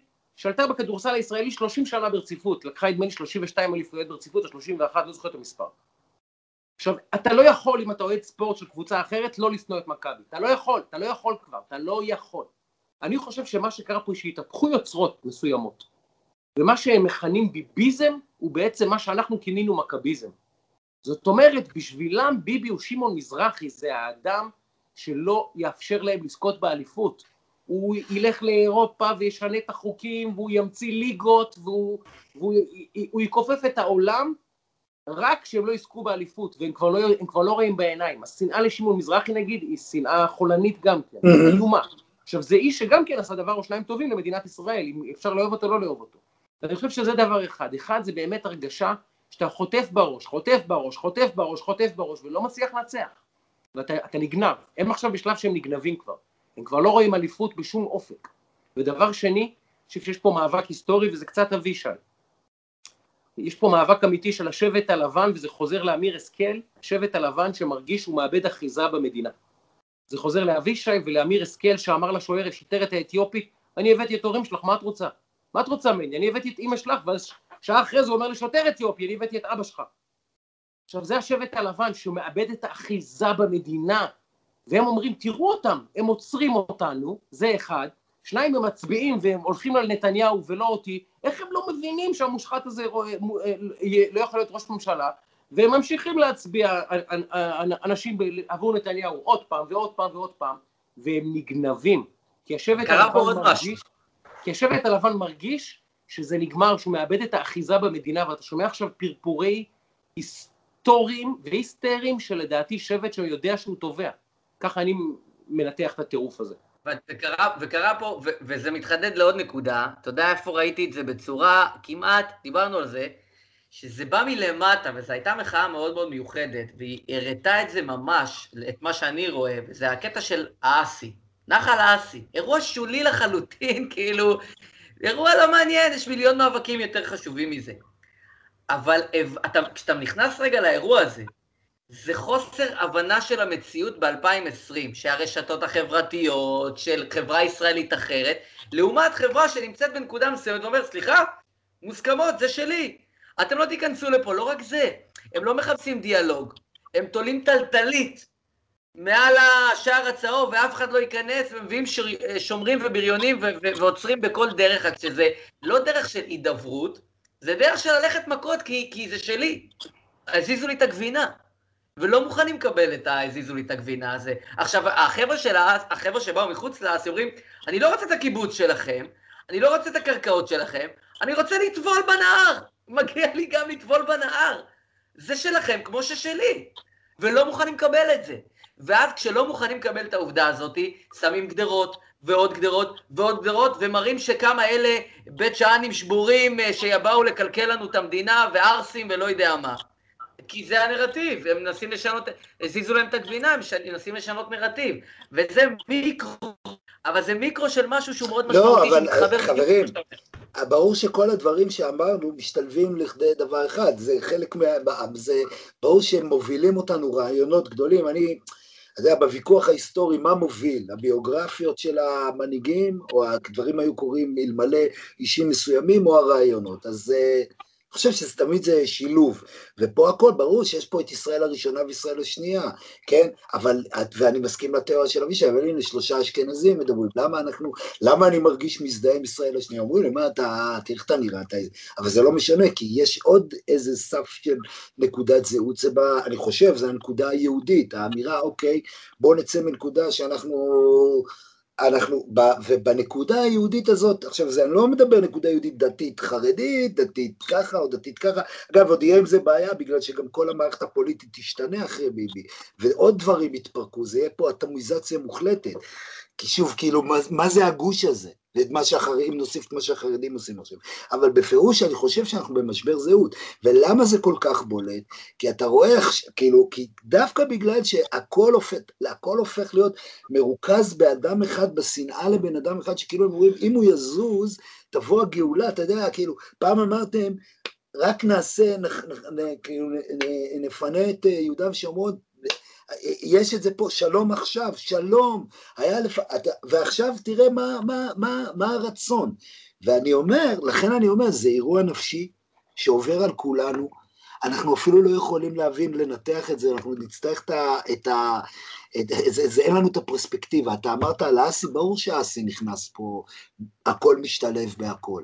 כי זה, כי זה חלק ממה ש, שאנחנו עוברים. עכשיו, עכשיו, והמשפט, אבל המשפט מתקשר למה שאומר על האליט, ברור שיש פה אה, אליטה משרתת, היא מובילה באקדמיה, היא מובילה בצבא עדיין, היא עדיין בדרגות מעל אלוף וכולי תהיה שם, היא מובילה בתרבות, אין בכלל, הימין אפילו לא מתקרב, זה כאילו אנחנו לא מגרדים את ה... ובתקשורת ובכל המקומות הללו, וזה קרב על הגמוניה, כי זה גם שווה כסף, התפקידים האלה, להיות בבחיר, בסופו של דבר להוביל את, את הסיפור הזה. הכל מתקבץ לאחד ולאיש אחד, ש, שבאמת, אני כאילו חושב ש...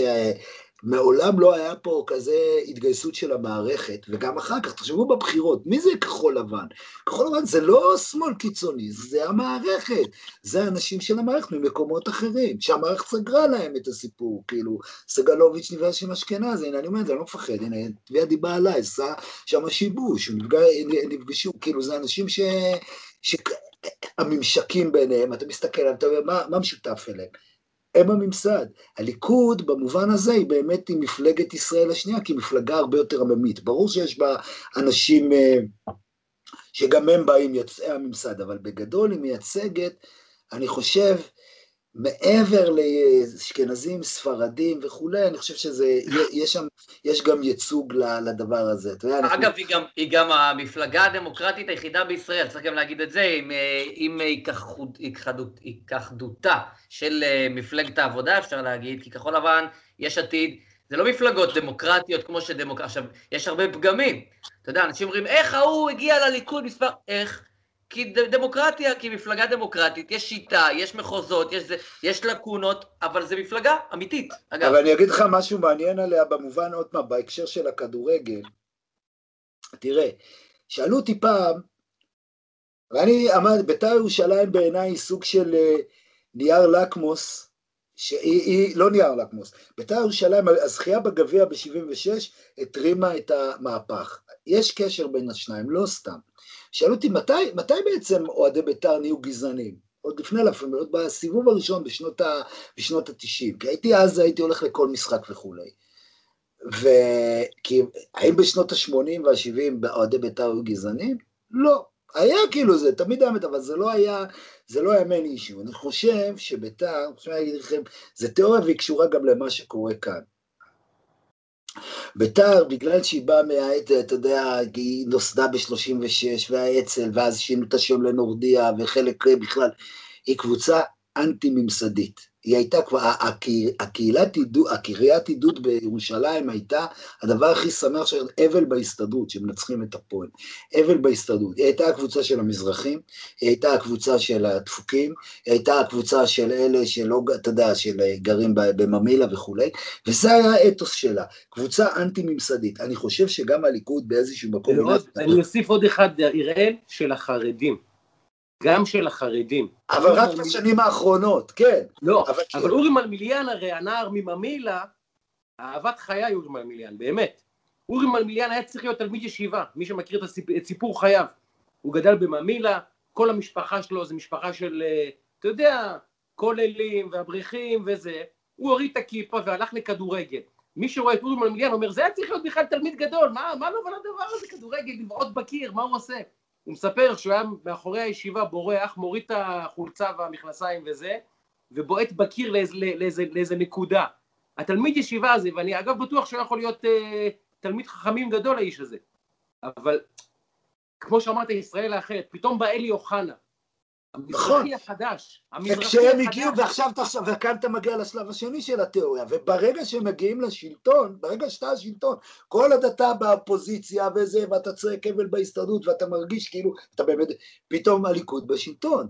ואז שהליכוד בשלטון, כאילו משתנה משהו, ואתה כבר, יותר קשה לך להיות אנטי-ממסדי, ואז חלק מהרגשות האלה עוברים שוב, למקום שאני לא אוהב אותו, ואף פעם לא אהבתי אותו, ותמיד התנגדתי לו, למרות שגם אני חוטא בו, חטאתי בו לפעמים, אני לא, אני לא אצטדק במגר, במגר, בדברים האלה. כולנו, הרי, לכולנו יש רגעים של גזענות קטנה וקסנופוביה ושוביניזם, אלה שלא יבלבלו את המוח, לא יזיינו את המוח. אבל בגדול אני לא אוהב את זה. זה קרה בגלל, גם בין הדברים הללו.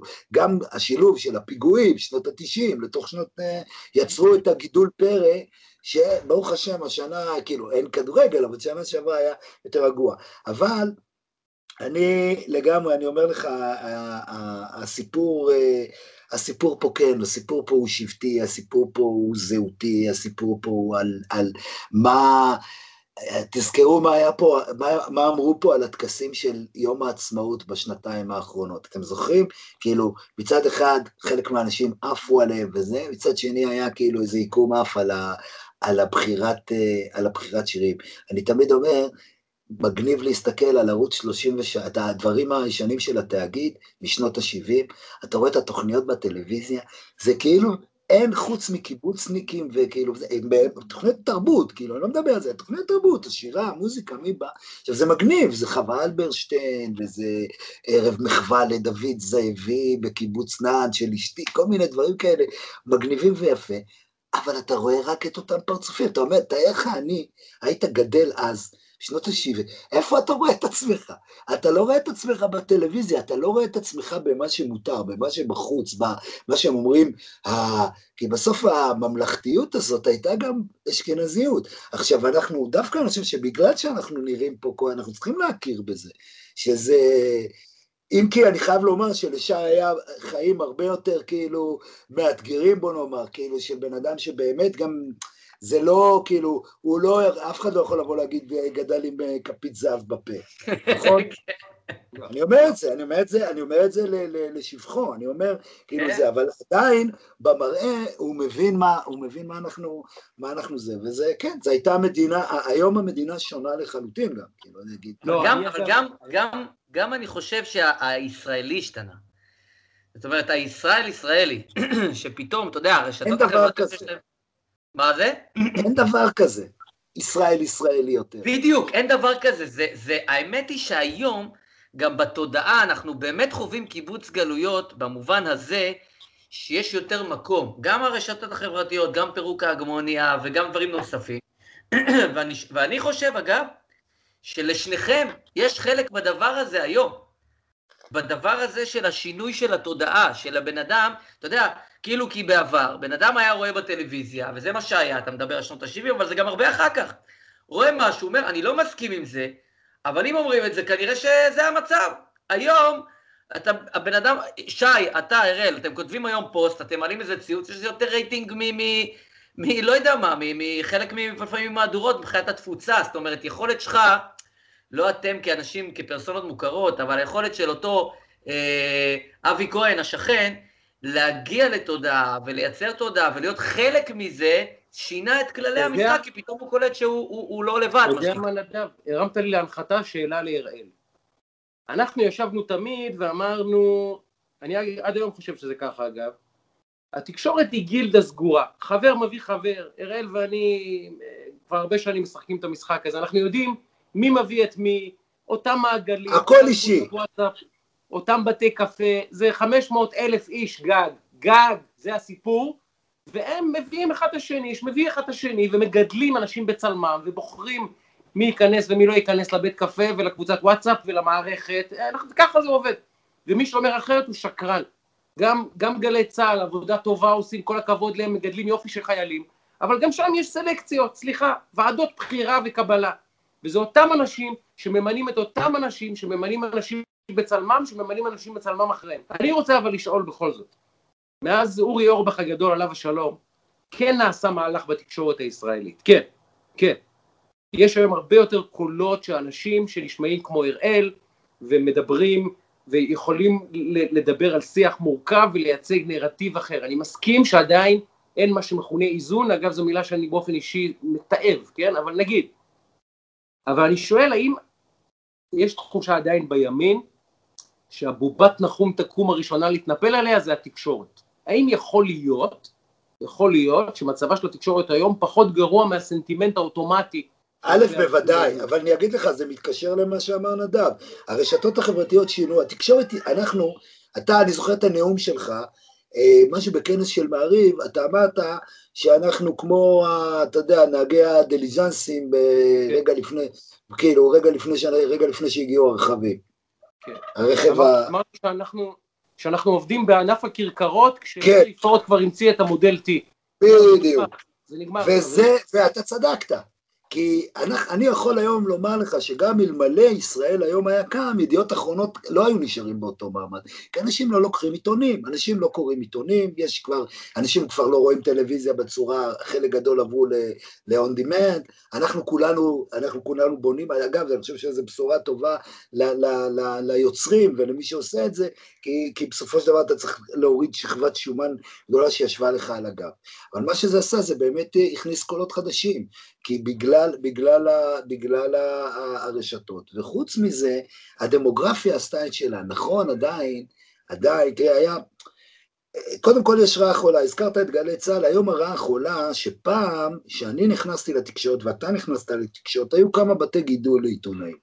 היה גלי צה"ל והיה את המקומונים.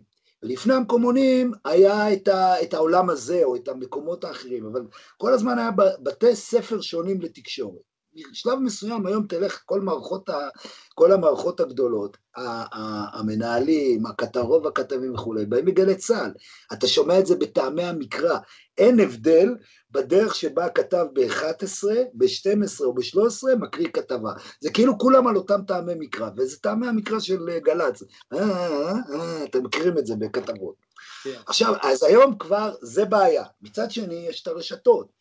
יש בהם גם fake news, אי אפשר להתכחש לזה, ויש בהם הרבה, אבל יש בהם איזשהו רן, לא אוכלים פה bullshit. אתה יכול, כאילו, אני, אלמלא הרשתות, הייתי עיתונאי, לא, באמת, אני מגיע מעמדות פרינג', אני יורה מ כאילו, ב, אני חייב להתקרב ממש קרוב למטרה, לראות, ואז ישר לרוץ לאחור ולהתחיל להדהד את זה, ולשים את זה בטוויטר וכולי. כל, אם אני רוצה להוציא משהו, או להתעקש על זה. אבל זה, זה, מה ש, זה מה ששינה את המעמד שלנו. גם אני חושב, גם שנות שלטון נתניהו, כאילו, לא הייתה ברירה. התקשורת נאלצה להבין שכאילו, אתה לא יכול, זה... והם ניסו את זה כדי להביא רייטינג, לא תמיד זה עבד, כן? הרייטינג רק הולך ויורד, כאילו, ועובר לרשתות החברתיות בכל מה שקשור באקטואליה. אבל אולי אתם יותר חכמים ממני להגיד את זה, אני חושב שאנחנו נמצאים באמת ברגעים היסטוריים של ה... מה שנקרא של התקשורת הכתובה שעובדת זה תקשורת שמחויבים לה אידיאולוגית, בין אם זה הארץ ובין אם זה הניו יורק טיימס. זאת אומרת, אתה צריך להרגיש ממש שאתה רוצה לקנות את זה, זה לא... אנשים כבר לא ייקחו, ישימו כסף במכולת, ייקחו עיתון. אין אה, דברים כאלה. לא, זה נגמר. זה נגמר. אני רוצה להגיד, אני רוצה להגיד שתי דברים קצרים על התקשורת. אחד, בסופו של דבר מה שאנשים מפספסים זה שכוחה של התקשורת, לא, אני אנסח את זה אחרת. אנחנו מנהלים מאבקים ילדותיים על כמה, מה שנקרא, סופרים גולגולות באולפנים, באולפנים. כמה ימנים ישבו פה, כמה ימנים ישבו שם, זה לא הסיפור. לא משנה אם ישבו שבעה ימנים במרכאות באולפן מול שלושה שמאלנים, זה לא אומר שהמצב עכשיו יותר טוב. העניין הוא הסיפור, המאבק הוא על הנרטיב. על העריכה. זה, לא זה לא ספירת גולגולות, זה מה שאנשים לא מבינים, זה לא משנה אם יסחפו את בוס ביסמוט ואת אראל ואת נדב שטראוכלר ואותי לפאנל באולפן שישי. אם המגישה תקרא סיפור או תשאל שאלות, תשאל שאלות ותציג את הידיעות מהמקום שבו היא רואה, אז זה הסיפור, אנשים לא מבינים, הפרומפטר, השליטה על הפרומפטר, השליטה על מי קורא את הטקסט ואיזה טקסט נכתב בפה של יונית לוי שתהיה בריאה ובפה של אה, מי שזה לא יהיה שמגיש את אה, אסף ליברמן שיהיה בריא גם כי אנשים מעולים אחד אחד אבל מי שלא מבין שהשליטה בפרומפטר היא המשחק ובפרומפטר שולטים העורכים, בפרומפטר שולטים המנכ"לים, המנהלים, ושם, והנה כשהגיע איבגי, אחלה איש, בן אדם תותח, וקיבל את מערכת חדשות של גל"צ, אמרתי זה המהלך אולי הכי חשוב בתקשורת של הימין, של הימין בחמש שמונה שנים האחרונות. זה המהלך שבו אדם אחד אומר חברים, אני קובע את הנרטיב, אני. ועד שלא יהיו אנשים שיקבעו את הנרטיב ויכתיבו את הפרומטר שם באמת הפער נמצא, לא בגולגולות באולפונים, תפסיקו לספור גולגולות, זה לא מעניין. מה יונית לוי קוראת, זה מה הפרומטר אומר לה. איך שאתה מסדר את האייטמים במהדורה, זה הדבר הכי משמעותי. כי אם אתה, אם אתה בוחר לפתוח בסיפור, נניח אה, סיפור מח"ש של עמית רק בשעה 8.40, אתה מכוון להרוג את הסיפור. עכשיו, אני חושב שעמית, אני חבר שלו, אני גם חושב שהוא העיתונאי היום החשוב בישראל. אמ, מוסכם.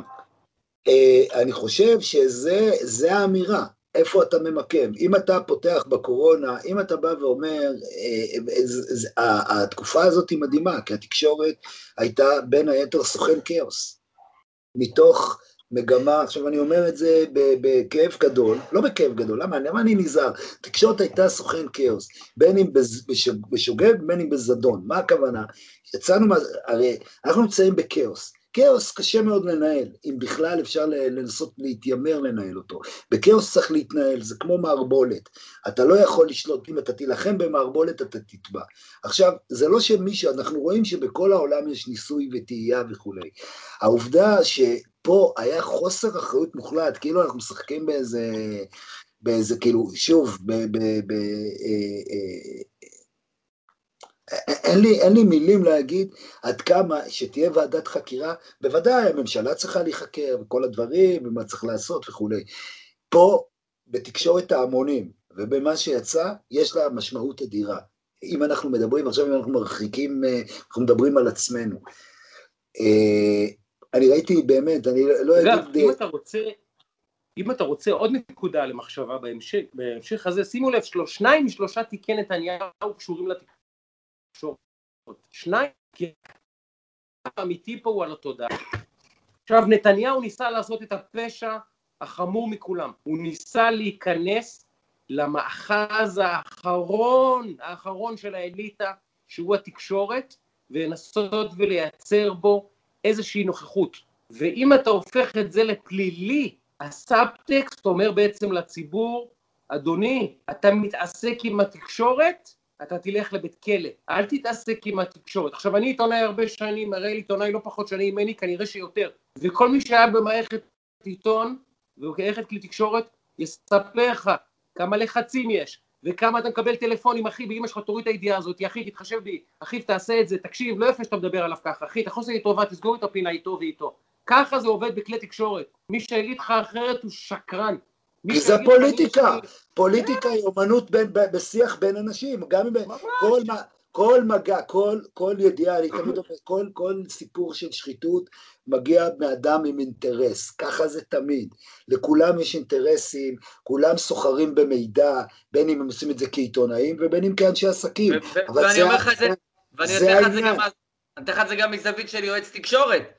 הרי אני נמצא כאילו בשיח מהצד השני, זה האלף בית של המשחק, המשא ומתן, ככה אתה עובד. עכשיו אם אתה אה, אומר שזה נבלה, אז הכל נבלה, אפשר, אפשר לסגור את הבסטה. ואגב, מה שאמרת... בעיניים ראיתי, אני ראיתי איך, אה, אני אומר, מספר את זה תמיד, אה, כאילו, אין יותר מזה, ראיתי את, את אמנון דנקנר, מורי ורבי, לוקח כתבה של עמרי אסנהיים על אהוד אולמרט, זה ידוע, סיפור שפורסם, לוקח כתבה, משנה אותה לגמרי, אסנהיים לא הסכים לחתום, אני לא אגיד את העיתונאית שחתמה במקומו, כדי לא זה, ו, וככה הוציאו אותה, כי לא התאים להם כתבה ביקורתית. זה היה חלק מהסיבות שהסנאים בסופו של דבר עזב, ואחרי זה הלך לעובדה. אבל, אבל מה, מה, מה, מה, אני, מה אני רוצה לומר בזה? אני רוצה לומר שתמיד היה יחסים, יחסים קרובים בין מו"לים לראשי ממשלה ול, ולפוליטיקאים, וזה פשוט, תראה, לקחת, לנסות על ראש ממשלה, זה חלק מה, מהטירוף. תיק תקדימי, כשבאותו זמן מדביקים, הרי זה אני חשפתי, שבאותו זמן, כדי שיהיה להם סוג של תקדים, זה לא הצליח להם, מדביקים עבירה של סיקור אוהד גם לאיתמר שמעוני, ומשחקים במינוי של השופט של איתמר שמעוני, אותה פרקליטה מסביב וכלכלה שעבדה איתה, ליאת בן ארי, ואני רואה את זה מול העיניים, ואני אומר, תגידו אנשים, אתם לא מבינים מה הם עושים פה, שכאילו, הם מייצרים פה, ו- ולמה זה חמור? כי אתה בא ואתה אומר, אני מעמיד לדין ראש ממשלה, בפעם הראשונה, הוא, כאילו, ופה יצטרכו להוכיח את היסוד הנפשי שלו, הוא צריך לדעת שהוא קיבל ידיעה או שינה ידיעה, וזה שווה לו כמו שוחד. עכשיו, כאילו, אבל זה תקדימי. למה שהוא יחשוב דבר כזה שכולם עשו את זה? יש דבר שנקרא במשפטים אה, מנהג סוחרים, כולם עושים את זה. רבין עשה את זה, שרון עשה את זה, אולמרט עשה את זה, ברק, כולם עושים את, ה, את הסחר מחר במובן הזה עם, ה, עם, ה, עם המו"לים, עם העורכי עיתונים וכולי. אז, אה, ואתה אומר, תראה את השחצנות, ללכת על תיק שהוא תקדימי, ולהכניס את כל מדינת ישראל לטרפה. יש פה כאילו, יש פה, ו, ומי מגיש את זה? הרי, אה, אה, הרי אפילו אם היה מדובר רק בעבירת בנייה, אתם מבינים? כאילו, אני, למה זה מטורף? האנשים שאמורים להיות, האנשים שאמורים, הנה פה, אני מעמיד לתקדימי, אני אפילו לא אומר תעשו אני אומר כאילו, על ליאת בן ארי אני מדבר כמובן על העבירות שלה שהיא מודה בהן, היא אומרת, היא לא יכולה להתכחש לעבירות. ואין מילה, ואין ביקורת עצמית, מה שהוא יגיד, אולי לא היה בסדר, אנחנו זה, אנחנו בצ... שום דבר. הם, על כל דבר שאנחנו באים כאילו ומוכיחים, ב- ב- לא בעדויות נסיבתיות, לא בעדי מדינה, כאילו וואלכ, תקנון של מכרז, אה, או במקרה אחר תצהיר אה, כוזב וכולי. עוד... ויש לזה עוד זווית. אנשים צריכים להבין, אני לא רוצה להזכיר שמות, אבל שנינו מספיק שנים במשחק הזה, וגם נדב ברוך השם כבר למד להכיר. היה איזה עיתונאי, לא חשוב באיזה עיתון, שהדיבור עליו היה שהוא היה שפוט של יו"ר ההתאחדות לכדורגל. לא משנה מי העיתונאי, שפוט שלו. כל ידיעה, תמיד איכשהו, הצד, של דובר ההתאחדות לכדורגל, והוא היה בעמדה מאוד בכירה, ושינה הרבה מאוד ידיעות, וגנז הרבה מאוד ידיעות, והשפיע על עיצוב של הרבה מאוד ידיעות שקשורות לכדורגל. אתם ואני, כאילו זה נראה לנו קטן, וחלק מהצופים שלנו, מהצופות והמאזינות אומרים, מה כדורגל ישראלי, הוא gives a fuck. אבל ככה זה גם בצרכנות, ככה זה גם בתעופה, ככה זה גם בכלכלה בכתב טלקום של זה, או כתב לא יודע מה של זה, לכל אחד יש את המקורות שלו, כל אחד יש את האינטרסים שלו, כל אחד, אגב, לימים הכתב הזה נהיה אה, עבד בהתאחדות, אני לא רוצה להסגיר יותר מדי פרטים, מי שיודע יודע מי הוא, כן? לימים הוא עבד בהתאחדות ואמרנו איזה קטע, לא ידענו, לא יכולנו לנחש. עכשיו זה, זה, זה מחלה שפורשה בכל העיתונות. אבל גם בכל המשק, מה זה, אתה יודע מה זה, מה, למה, למה הפרקליטות נלחמה? ברור. לא, אני אסביר לך, למה היה את המלחמה על היועמ"שים? למה זו הייתה כזאת מלחמה? מה פתאום זה? עכשיו, אתה בא ואומר, הרי חוק הוא חוק. אז לקחת יועמ"ש מבחוץ, הוא מחויב לחוק. אם הוא לא מחויב לחוק, יגידו לו, אתה יועמ"ש חרא ויעיפו אותו. אבל יועמ"ש זה תפקיד עם הרבה מאוד כסף במגזר הציבורי, וזה גם תפקיד שאתה יכול לעשות ממנו אחר כך אחלה החלקה למגזר הפרטי. עכשיו, אתה רואה את ה... את עכשיו, אני לא... אגב, זה אותו דבר בעיתונות, רק שכמה אנשים רוצים היום עיתונות, זה לא ש, שזה איזה מקצוע מבוקש, זה לא סתם היית יועץ בשביל, אתה יודע, אה, אה, אבל ברור, ש, ברור שיד רוחצת יד. אגב, זה אחת הבעיות הגדולות. גדולות. מה הבעיה בגל"צ כבית ספר לתקשורת, בניגוד אגב לעולם הזה ולמקומונים, נאמר, שבגל"צ מחנכים אותך, אני ראיתי את זה כי עבדתי, בגל"צ בעצם מותר לך, אתה ככה, כתבי הצבא הם דוברי הצבא, אחר כך תראה אותם בטלוויזיה שהם נהיים כתבי צבא. כתבי המשפט הם לא מבקרים את מערכת המשפט, הם ממערכת המשפט מבקרים את העבריינים וכולי. אותו דבר כתבי המשטרה וכולי. מקום אחד מותר לכתבים להשתלח בצורה פראית, סבבה, רק בפוליטיקאים. זאת אומרת, אתה כעיתונאי, אתה לומד כזה דבר. הפרקליטות ובית המשפט, קדושים, בני האור, הם לא יכולים לטעות. המשטרה הם מפגרים, אבל כאילו, סליחה, לא, אני חוזר בי מהמילה מפגרים, המשטרה כאילו לא מתייחסים אליהם בצורה, כאילו, זה, זה תמיד היה כאילו, זה הזרוע האלימה של, ה, של המערכת החוק. בלי לפגוע בשוטרים חס וחלילה, אלא כאילו מבחינת, אבל גם כן, אין יותר מדי ביקורת על אלימות שוטרים פה וכולי. הצבא, הס מלהזכיר, ראית פעם כתב צבאי שבא בביקורת על הצבא, מנתח אה, את ה... את ה אפילו נגד בריק רובם יצאו. שיוצא, נגיד אפילו הייתם צריכים להגיד, אוקיי, מה אנחנו רואים? הם כולם פאפץ, הם רוצים לטוס, סלח לי, הם רוצים לטוס בבואינג אה, ולגלות אה, ולבלות, אה, תשמע, זה, זה מטורף, בשום מקום אחר זה לא היה, זה לא היה עובר ככה. הסיפור של החברות תעופה והכתבים הצבאיים, בלי לפגוע, בלכאורה, זה נראה לי בעייתי מאוד. והמקום היחידי שאתה יכול להיכנס כאילו ברבק, זה בפוליטיקאים. עכשיו, עכשיו אתה שואל את עצמך, באמת, אני שואל אתם אנשים שמרוויחים טוב, וברוך השם. קחו איש מגזר פרטי שמרוויח טוב, אתה יודע, בהייטק או במשפטים וכולי, זה יכול להיות בן אדם שעושה מאה, יותר אפילו אלף שקל. אומרים לו, בוא לקריירה ציבורית, בוא להיות חבר כנסת, תקבל 17-18 נטו, ויחרבנו לך על הראש 24-7. וילעגו לך, כאילו, ו... ו, ו אז עכשיו, אם יש לך באמת שליחות, או פנסיה תקציבית שמגבה אותך, אז אתה יכול להיכנס לפוליטיקה. אבל תראה מה זה עושה, כאילו, אתה, אנשים אומרים, איפה האנשים הטובים? למה הם לא באים לפוליטיקה? אומרים, תשמע, אני גם בא, אני לא מרוויח, אני מרוויח פחות ממה שהרווחתי. יכול להיות שאנשים אומרים, מה אתה בוכה, מה אתה מתבכיין על 18, 17 נטו? לא, אבל יש אנשים שמרוויחים יותר, הרבה יותר.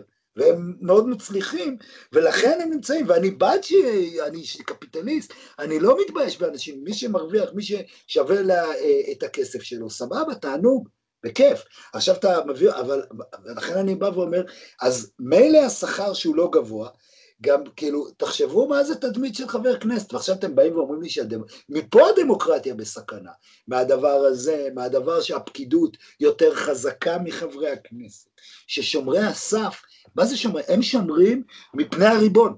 הרי מה בעצם אומרים לנו? מה זה שומר סף? הפקיד, הממונה שאי אפשר לזרוק אותו לעולם, כי הוא תקוע על הנצח, הוא יודע יותר טוב, והוא ישמור על הקופה הציבורית, יותר מהפושע השודד הזה שנכנס עכשיו לכנסת, שאנחנו צריכים להיזהר ממנו. זו הגישה. כלומר, אם ניקח את התוכנית הקלאסית Yes Prime Minister, כן? Yes Minister, כי אתם, אתם הדור שראה את זה. מה ראינו שם? ראינו סיביל סרבנט שלפחות עושה את הרושם שהוא עושה את רצונו של הריבון, או כביכול התחמונים שלו הם בשביל עצמו, הם לא, הוא לא משחק אותה, יעני, שיש פה איזה אידיאל גדול, הוא לא חוזר, הוא כאילו אומר, זה טוב לי, אני זה, אני פה, וכולי. פה אתה יצאת מעמד שלם של אנשים לא נבחרים, שהם חושבים שהם כאילו, שהם צריכים לשמור מפני חבר כנסת, מפני מי שנבחר כדי לעשות את העבודה שלו. זה זה הרעיון, זה הרעיון, אגב, זה, וזה לא רק אצלנו, זה קורה בכל העולם, אתם רואים את זה גם בארצות הברית ובעוד מדינות, וגם באיחוד האירופי, חלק מהברקזיט זה מהסיפור הזה. מה פתאום הפקיד בבריסל, פקיד בבריסל יקבע ל, ל, ל, לאזרח בריטי את ה... לא יודע מה, את הגבינת שדר שלו, או מה שזה לא יהיה, אני לא יודע מה, כאילו, את הדבר הספציפי. וזה גם כן חלק, נהייתה פה בירוקרטיה, כאילו, לא בירוקרטיה כבר, זה לא בירוקרטיה שאתה אומר, טוב, חייבים בירוקרטיה. זה תמיד יהיה חרא, אבל חייבים בירוקרטיה, מי שצריך פקידים. עכשיו זה אידיאל! כן. הכעס בעיניי בימין, בוא'נה, איזה הייתי, איזה הפרעת קשב אנחנו, איך אנחנו עוברים את הנושאים, מגניב. לא, זה, זה בול אבל הקונספט, אתה מבין? זה בול הקונספט. כאילו, אני אומר, הכעס בימין, הימין האידיאולוגי האמיתי, אגב, גם על נתניהו בעניין הזה, זה כל הנושא של מערכת המשפט מול הדמוקרטיה של כאילו הפקידים לבין נבחרי הציבור.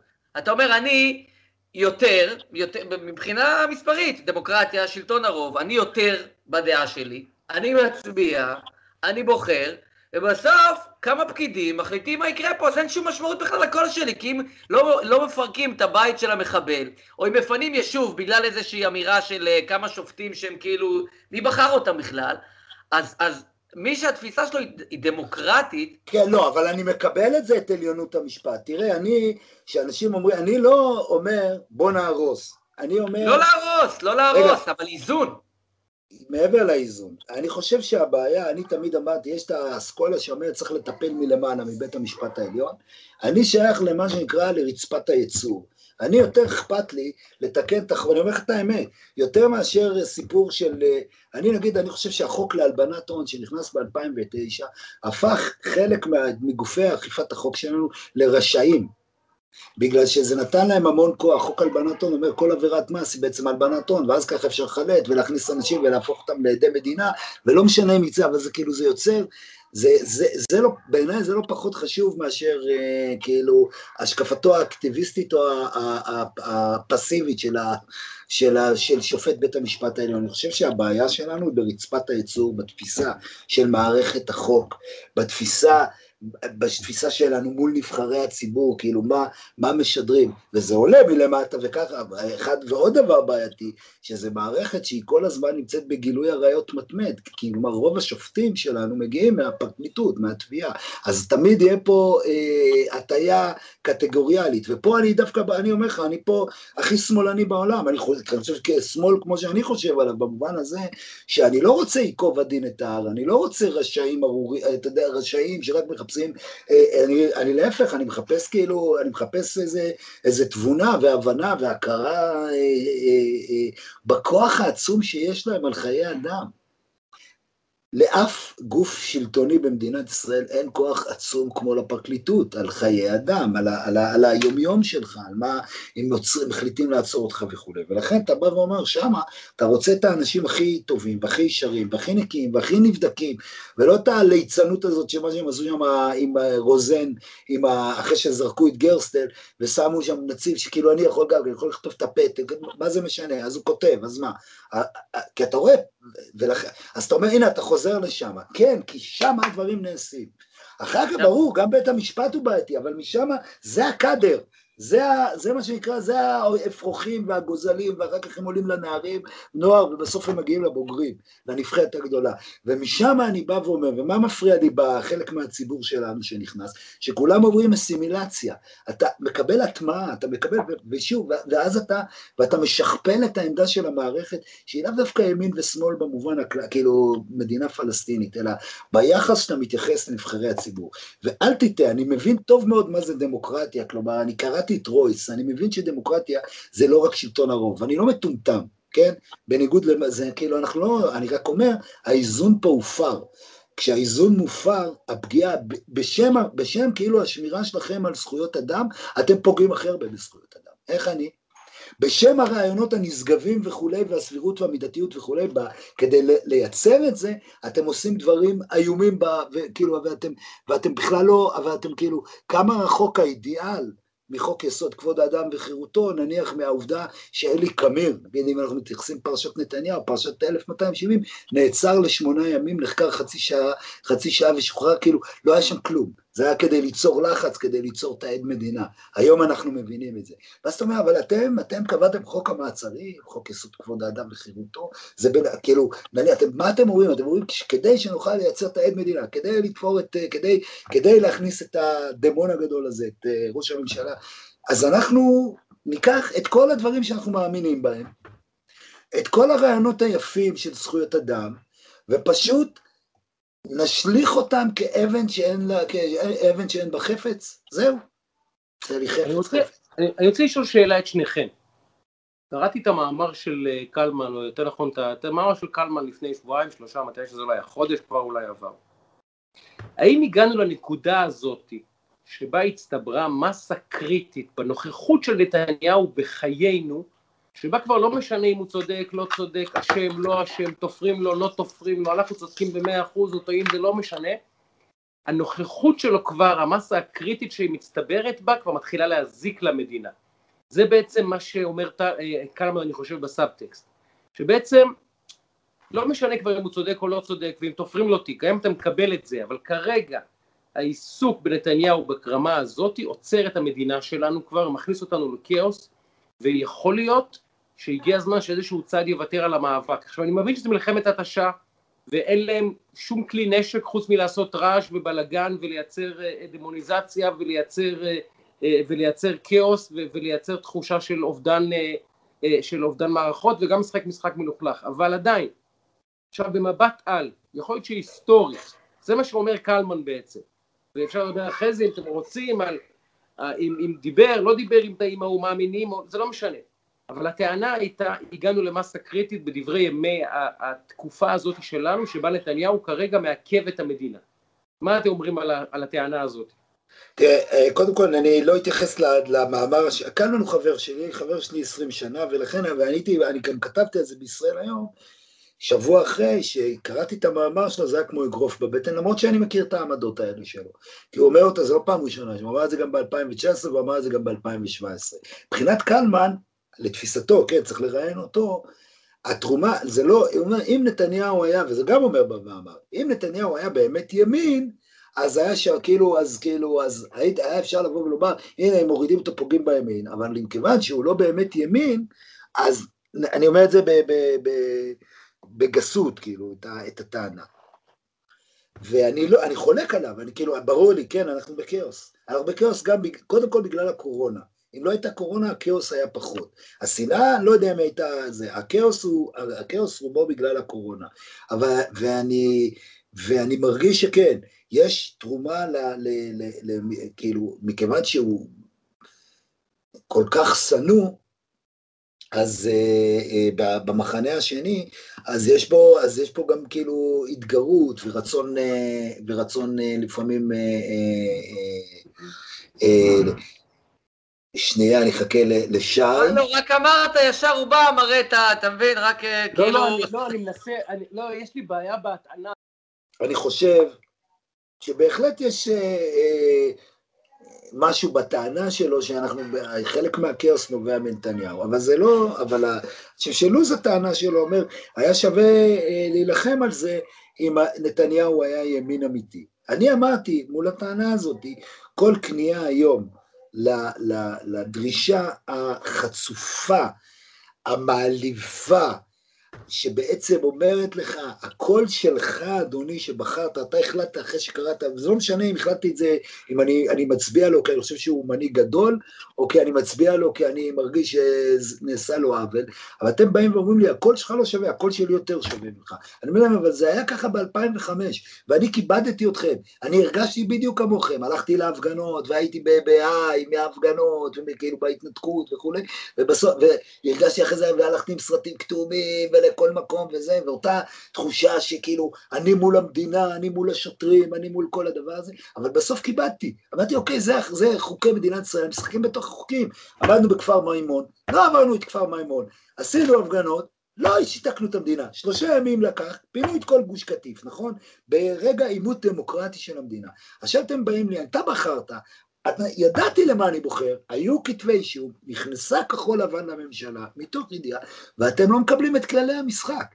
אם אני אקנא לכם, אם אני אקנא לכם עכשיו, אם אנחנו ניכנע, קודם כל אני אומר, את הבומבה הגדולה ביותר יחטפו, נחטוף אנחנו, ציונות הדתית, וקלמן ואנשים שלו, כי אחרי ביבי זה יהיה הדמון הבא.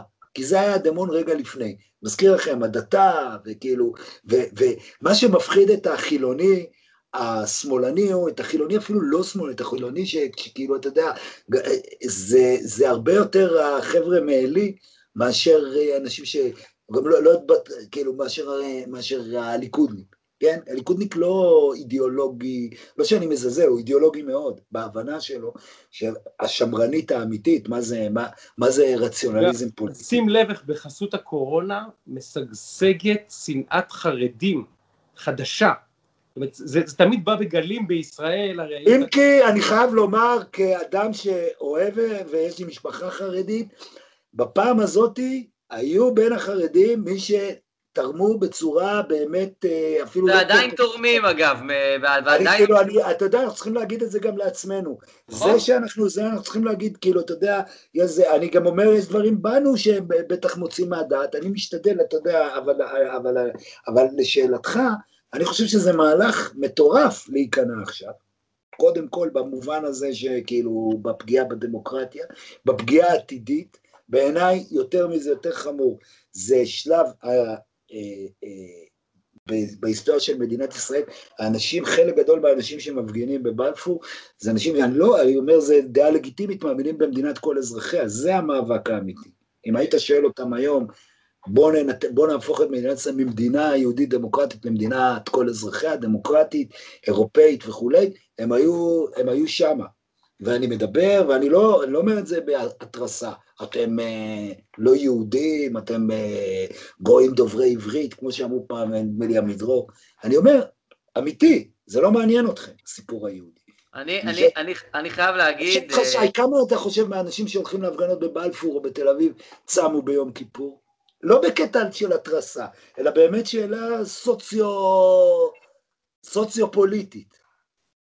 אה, אני אה, כתבתי על זה פוסט, וכמובן שחטפתי הרבה, ושאלתי את השאלה הזאת, אני, אני, אני בכלל חושב, אני מסכים איתך, חלק גדול מהמפגינים, בטח הליבה של מארגני המחאה ושל, אתה יודע, חיים שדמי, אנשים שאני גם מעריך ומכבד, מכיר אותם ממקומות אחרים, הם פוסט ציונים, זו האמת. זו מילה שקצת עברה, קצת יצאה מהשיח, אבל הם פוסט ציונים. הם לא חושבים שציון היא הסיפור. הסיפור הוא ציון. אחרי הכל, אחרי נכון. הכל, אחרי הכל, אחרי הכל, ביבי, שמיבי, טיבי, זיבי, לא משנה, אחרי הכל הסיפור הוא ציון. תהיה ציון לציונים וליהודים או לא תהיה ציון, ואיזו ציון תהיה, אבל התשתית של הפירמידה שעליה אנחנו מנהלים את כל הוויכוח הזה היא ציון. עכשיו יש פה קבוצה, לא יודע מה הגודל שלה, לא יודע, מנדט, שניים, שלושה, לא יודע כמה הם, אבל יש פה קבוצה שאומרת, הציון הזה שלכם בפירמידה, אני לא צריך אותו. אני רוצה הכל חוץ מציון, ואני מנסה להסביר להם, חברים, אין פירמידה בלי ציון, אין. הכל מתחיל ונגמר בזה. בציון, בזה שאנחנו עם יהודי, שבא לסגור את הסיפור שלו עם עצמו, עם אבותיו, עם הנרטיב שלו, עם, עם כל מה שהוא עבר במשך ששת אלפים שנה, מאז שאור כסדים והקדוש ברוך הוא ואברהם אבינו החליטו לעשות משולש שם. כן? מאז, זה הסיפור שלנו. ומי שאומר, אני עכשיו זונח את הסיפור הזה, זונח את הסיפור של ציון, ואת הסיפור היהודי, ואני רוצה עכשיו להפוך לבלגיה, או לליכטנשטיין, הוא פשוט, אה, אני אומר את זה בצורה עדינה, הוא חותר תחת המדינה הזאת ממקום עמוק ומסוכן. אמרת בדיוק את הדברים, ומה הבעיה? הבעיה הגדולה, שהאנשים האלה שמחזיקים בעמדות הללו, הם אנשים משפיעים מאוד, הם משפיעים מאוד באקדמיה, ודרכה הם חודרים לכל גופי, לכל גופי השלטון. כלומר, היום האתוס בתוך הבירוקרטיה, זה לא יגיד, אף אחד לא יגיד יותר ייהוד הגליל, אף אחד לא יגיד כאילו דברים, זה חס וחלילה לשמוע את זה, וגם כאילו את, ה, את, ה, את הדברים שאני לא מתבייש להגיד אותם, לא בקטע שאני גזען כלפי ערבים, אלא כי אני מבין, זה המטרה של המדינה הזאת. והם, והם בעצם שולטים במשך שנים הם שלטו בתקשורת. אנחנו, אם נניח זה, אני מניח שהעמדה הזאת, יש לה הרבה מאוד אנשים שתומכים בה בתקשורת במה שאמרת, בראייה, הפרדת דת ממדינה לגמרי, העברה של כאילו, בעצם העברת המשקל, הם אומרים, מה, מה, מהיהודי לדמוקרטי, ובבחירות האלה, זה לא סתם שפתאום המחנה, ו, והיה פה ניסויים מוזרים, מצד אחד מובילים את ה... ואתה רואה את זה גם בבלפור, יש את הכוח האידיאולוגי, כמו שאתה אומר, רובם פוסט-ציונים, ורובם הם למודי הפגנות וכולי, והם מבינים כמה חשוב להפיל את נתניהו, כי נתניהו הוא אבן הראשה של גוש הימין. הדבר הזה שנוצר ב-96, שהוא שילוב של כמה שבטים, ששבט אחד, אגב, שימו לב, חצי ממנו ברח, ליברמן לקח, הרוסים זה סיפור מאוד מאוד מעניין מה קרה פה. מאוד מאוד מעניין, כי הם פתאום מזהים את עצמם עם ישראל הלבנה הראשונה. שוב, אני מדבר בהכללה, אבל כאילו, אני מתנצל בפני מי שנעלב מהכללות. אבל אלה שמובילים את זה, מתחתנים פתאום עם החבר'ה של ה... אלה של הפ... כאילו של, ה... של הממסד, מה שאנחנו קוראים, מה שאני אה, מכנה deep שטעטל, כלומר, מה זה כחול לבן? כחול לבן זה מפלגה שבנויה מאנשים שהיו בתוך, ה... בתוך המערכת, בתוך ה state. עכשיו, זה לא אומר שהם אנשים רעים, זה אומר שהם אנשים מערכתיים. והחיבור הזה, שבעצם אני הרגשתי שהרבה פעמים זה כאילו שהם האידיוטים השימושיים של האידיאולוגים האמיתיים, של מפרקי החברה הפרוגרסיביים, אלה שאומרים, זה רע להגיד, זה אלה ש, ש, ש, ששוב, אם אנחנו חוזרים למערכת המשפט, שבעצם האורקל הגדול שלהם הוא אהרון ברק, שהוא איש שהשפיע על ההיסטוריה של מדינת ישראל לא פחות מכל, מ, מ, מראשי ממשלה, אולי אפילו יותר, במובן הזה שהוא לוקח, הוא זה שעושה את השיפט, אני חושב, מהיהודי לדמוקרטי. אני בדיוק כותב עכשיו מאמר, וכשאני מסיים פה מאמר על, על יד ושם, כי הולכים למנות uh, יושב ראש הנהלה חדשה. ויד ושם סיפור שמעניין אותי, כי יד ושם עברה תהליך. אתם לא תמצאו ספר אחד של דניאל גולדהגן ביד ושם. חן העדת, אתם תמצאו, מהפר, זה הפרסום הראשון שם. כי יד ושם, הרי מה, מה הוויכוח הגדול? אני מצטער שאני לוקח אתכם לשואה, אבל זה יהיה קשור. זה בסדר, כן? ברור, ברור. מה הוויכוח הגדול? מה זו השואה? האם השואה היא סיפור לעולם לא עוד, יידה נקמה? האם השואה היא סיפור אוניברסלי, רצח עם, ג'נוסייד, וניקח את זה במה שקוראים לזה, מה חנה אנדט, המדרון החלקלק, כלומר, כל אחד יכול להיות. היום כשאתה מגיע ליד ושם, והקצינים שעוברים את העדים במדים וכולי, לא אומרים להם, לא מלמדים אותם, לא אומרים להם, אוקיי, היה פה אירוע רצחני כלפי העם היהודי ספציפי, חיפשו אותנו כי אנחנו יהודים. אומרים, זה, אומרים להם, בין היתר אומרים להם, שאתם לא תעשו את הדברים האלה. לכן, לכן, וזה, וזה ויכוח עצום, זה ויכוח עצום שקיים בתוך, בין הצד הפרטיקולרי לצד האוניברסליסטי בעם היהודי, אני חושב מראשיתו, הוא כל הזמן יש את הקלאשים האלה. זה כי זה קיים בנו הצדדים האלה, ולכן אנחנו, אני חושב שגם אנחנו כיהודים יכולים לעבור מימין לשמאל, משמאל, כאילו, אתה יודע, מדבר, כי זה, כי זה קיים, כי גם לי יש את ה... האם אני מרגיש נניח נוח עם הכיבוש? כי אני לא יכול להכחיש שיש, אומנם רשות אוטונומית וכולי, אבל עדיין יש משמעות כאילו בכיבוש. ברור שזה, אני מכיר בזה. אני לא חושב ש... בעולם אידיאלי זה מה שהיה צריך לקרות. אני אומר, זה, זה הלית ברירה שלי, ובתוך הלית ברירה הזה אני צריך להיות הכי טוב. אבל, אבל אני עדיין, כאילו, הדגש הוא על היהודי. אז אם אני חוזר לכל מה שאתה אומר, אז כן, וזה מתחיל את השיחה שלנו, אנחנו במאבק על הזהות. עכשיו, אני לא יודע אם הסיפור של אברהם אבינו ואור כסדים והקדוש ברוך הוא אמיתי, אני יודע שבלי הסיפור הזה, בעוד שבועיים אני לא יכול לשלוח את הבן שלי להתגייס. למה הוא התגייס? כי מה? אבא שלי תמיד אמר לי, אם אנחנו לא פה בגלל הטאבו, כאילו אה, אה, אה, אברהם אבינו, ברית בין הבתרים, תקרא ציון, אז אנחנו גזלנים. אין לנו זכות קיום פה. אין לנו זכות קיום פה בתור איזה מעצמה אירופאית שנמצאת. ואז אנחנו, אם אנחנו נלך, זה לשיטתם, זה זה, זה הדיס... זה הנרטיב אבל, זה הפר... לא, אבל זה הפרדוקס שבקיום שלהם. אם הם ילכו לשם, הם, הם, הם, הם, הם, הם ייעלמו. הם אלה שיעלמו. למה אני שונא, לא שונא, למה אני לא אוהב את הביקורים באושוויץ? כאילו, יש לי בעיה איתם. כי זה מפריע לי שיהודים מגלים את היהדות שלהם רק בתא גזים. זהו, פה זה רק דבר אחד, יאושש את היהדות שלכם. אתם חיים פה, בא, אתה מבין, כאילו, לתוך הדבר הזה. וזה הסיפור. זה לא סתם שאתה יכול להגיד עכשיו, תראה איך הוא החכם, יעקב חזן אה, מהשומר הצעיר, שאמר, רצינו לגדל דור של אפיקורסים, גידלנו דור של עמי ארצות. למה? כי להם, לסבים, ואפילו כאילו של, של הדור הזה, שהסבים של, היה להם גרסא, היה להם הבנה שאתה פה, אפילו המילה קיבוץ לקוחה, אגב, אתם יודעים, מאומן, קיבוץ של חסידי ברסלב, ככה זה, זה, זה, זה, זה, זה המקור לה, או ההשראה לשם. ואנחנו נמצאים ברגע שדווקא השבט שבנה את המדינה נמצא במשבר זהות. מה הוא? טבעוני? אז הולכים הרבה... מה, מה הוא? הוא כאילו... אני רוצה להשלים אותך ולתת לך מימד, או להציג מימד אירוני שחשבתי עליו הרבה בזמן האחרון, ואני קורא בזמן האחרון הרבה על אהוד ברק והביוגרפיה שלו. אני מנסה להבין את האיש. אני ממש קורא עליו הרבה בחודשים האחרונים, והאירוניה היא ככה, אהוד ברק הוא למעשה חיסל את הנרטיב של, של השמאל כשהוא חוזר מקמפ דיוויד, מחסל את השמאל בישראל. הרי השמאל עד אז ידע רק לומר דבר אחד, כיבוש, כיבוש, כיבוש. כמו שהיום הוא אומר ביבי ביבי ביבי, הוא ידע לומר רק כיבוש כיבוש כיבוש כיבוש. מה מצב מזג האוויר? בגלל הכיבוש. למה הנבחרת הפסידה? בגלל הכיבוש. למה אנשים אלימים? בגלל הכיבוש. למה יש רצח במשפחה? בגלל הכיבוש. למה גברים ונשים לא מסתדרים? בגלל הכיבוש. זה היה הנרטיב המון שנים פה. ואז בא אהוד ברק ואומר חברים, אין פרטנר לשלום, ולאט לאט מרסק בעצם את הנרטיב של השמאל. עכשיו אותו אהוד ברק על רקע הסכסוך האישי שלו עם ביבי ועל רקע האגו הענק שלו ועל רקע עוד דברים שיש לו עם עצמו, הוא אדם מאוד מאוד מורכב ומאוד מעניין אגב, mm-hmm.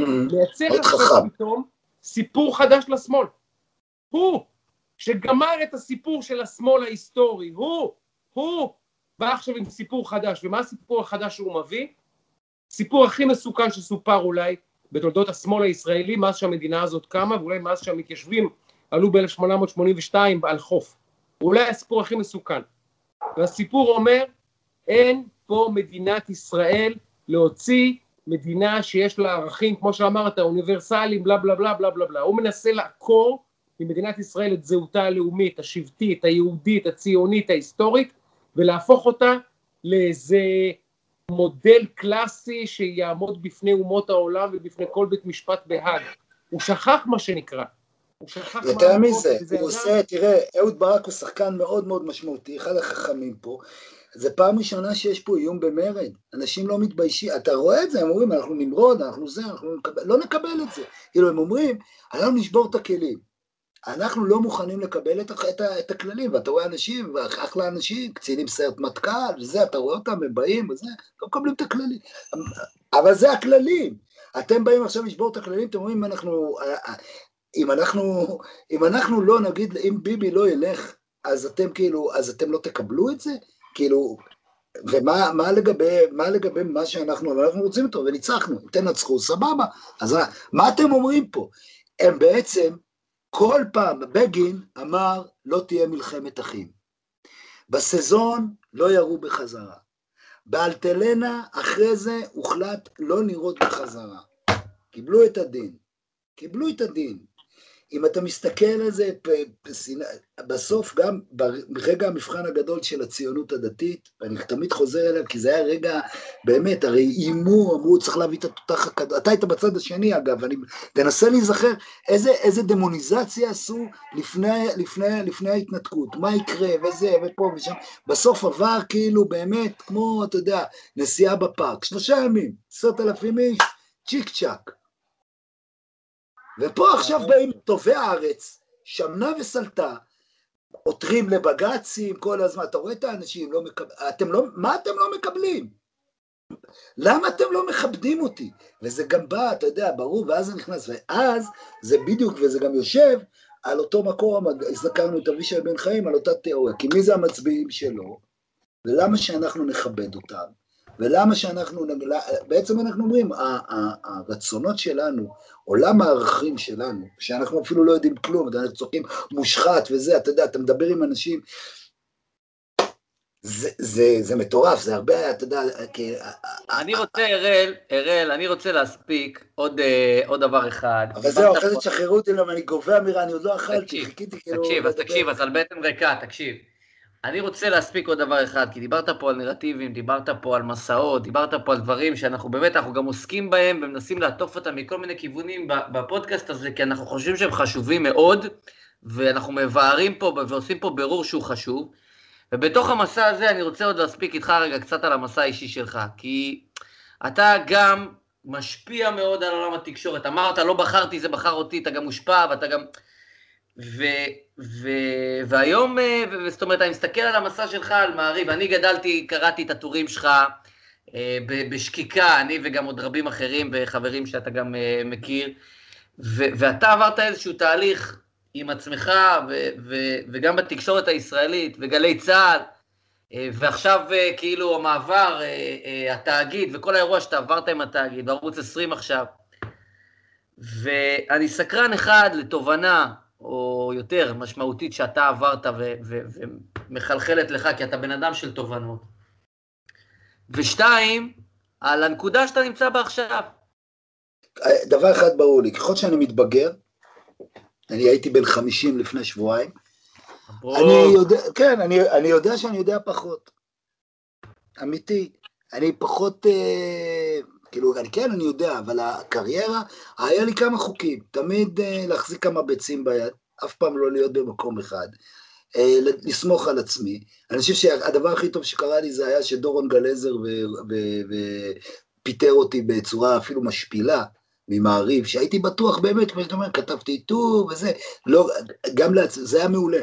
הסטירת לחי הזאתי לאגו הייתה מעולה, היא באה בזמן מתאים, ואמרתי, חייב, חייב, חייב לעשות הכל, חייב, אני חייב ללמוד את הכל. אתה יודע, אני, אני התחלתי בתור כותב באמת, חצי זה, זה חרטא. אני אומר לך, היום אני כותב הרבה יותר טוב. הרבה פחות גס, אבל הרבה יותר טוב, ואני גם כעיתונאי, אני לא הייתה לי ברירה, הייתי חייב, אגב, כל הנושא של תחקירים זה דבר שלא התעסקתי בו אף פעם, לא הייתה לי ברירה, נכנסתי לזה, שזה גם, זה מעניין, אתה יודע, היום בדיעבד אני אומר, אה, כאילו, יש משהו, אה, אה, הנה, בת, פעם דרוקר אמר לי, אתה לפני שנים, אתה, מה אתה עיתונאי? אתה לא עושה תחקירים. וכאילו אמרתי, בסדר, אני לא עיתונאי של תחקירים, אני עיתונאי של רעיונות ודברים כאלה. והיום אני גם רעיונות, אני יודע לדבר רעיונות, אני גם יודע כאילו לעשות תחקירים. זה, זה, זה לא... אה, אה, זה לא ניתוח מוח, אוקיי? להוציא נצח טאבו, כל מיני דברים כאלה. אה, אבל, אבל אני כאילו, אני, תשמע, זה מקצוע קשה, יש בו מעט מאוד אנשים שמתפרנסים ממנו טוב, זו שכבה קטנה, אה, אין שום ביטחון, כאילו, הרבה פעמים אתה יודע, אתה קם, אתה, אתה לא אוהב את המו"ל הזה או את המו"ל ההוא, את הדברים האלה, וכאילו, אבל אין, אתה כאילו, אתה בתוך ה... ב, ב, כי אני גם מרגיש שליחות, בסוף אני צריך לבוא, ואני אומר, אוקיי, אני הולך לעשות כי, כי, כי יש לי את מה שאני, שאני צריך לעשות. לא כל יום אני מרגיש שליחות, אבל לפעמים אני מרגיש שליחות. בוא נשחרר את אראל להמשך החיים שלו, נגיד לו רק אה, שתי מילות סיכום. א', מבחינתי זה החלק א' של המפגש בינינו, צריכים חלק ב'. סבבה. אני אתן לך התראה. ב', אני אגיד לך ככה, מעבר לזה שאתה אחד הכותבים באמת הכי טובים בארץ, באמת, כותב בחסד, אני מכיר אותו עוד מאופנת סגל, ואני גם זכיתי אפילו לערוך טקסט או שניים שלו.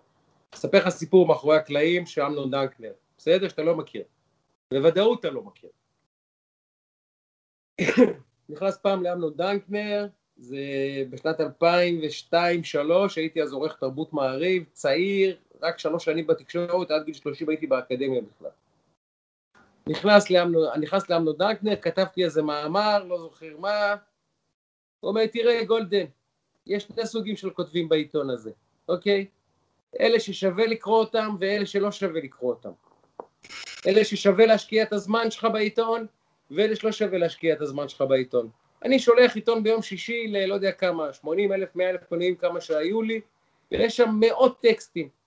אני לא מצפה שכולם יקראו הכל, אבל אני יודע להמליץ למי כדאי לך להשקיע את הזמן. יש בעיתון הזה, הוא אמר, שני אנשים.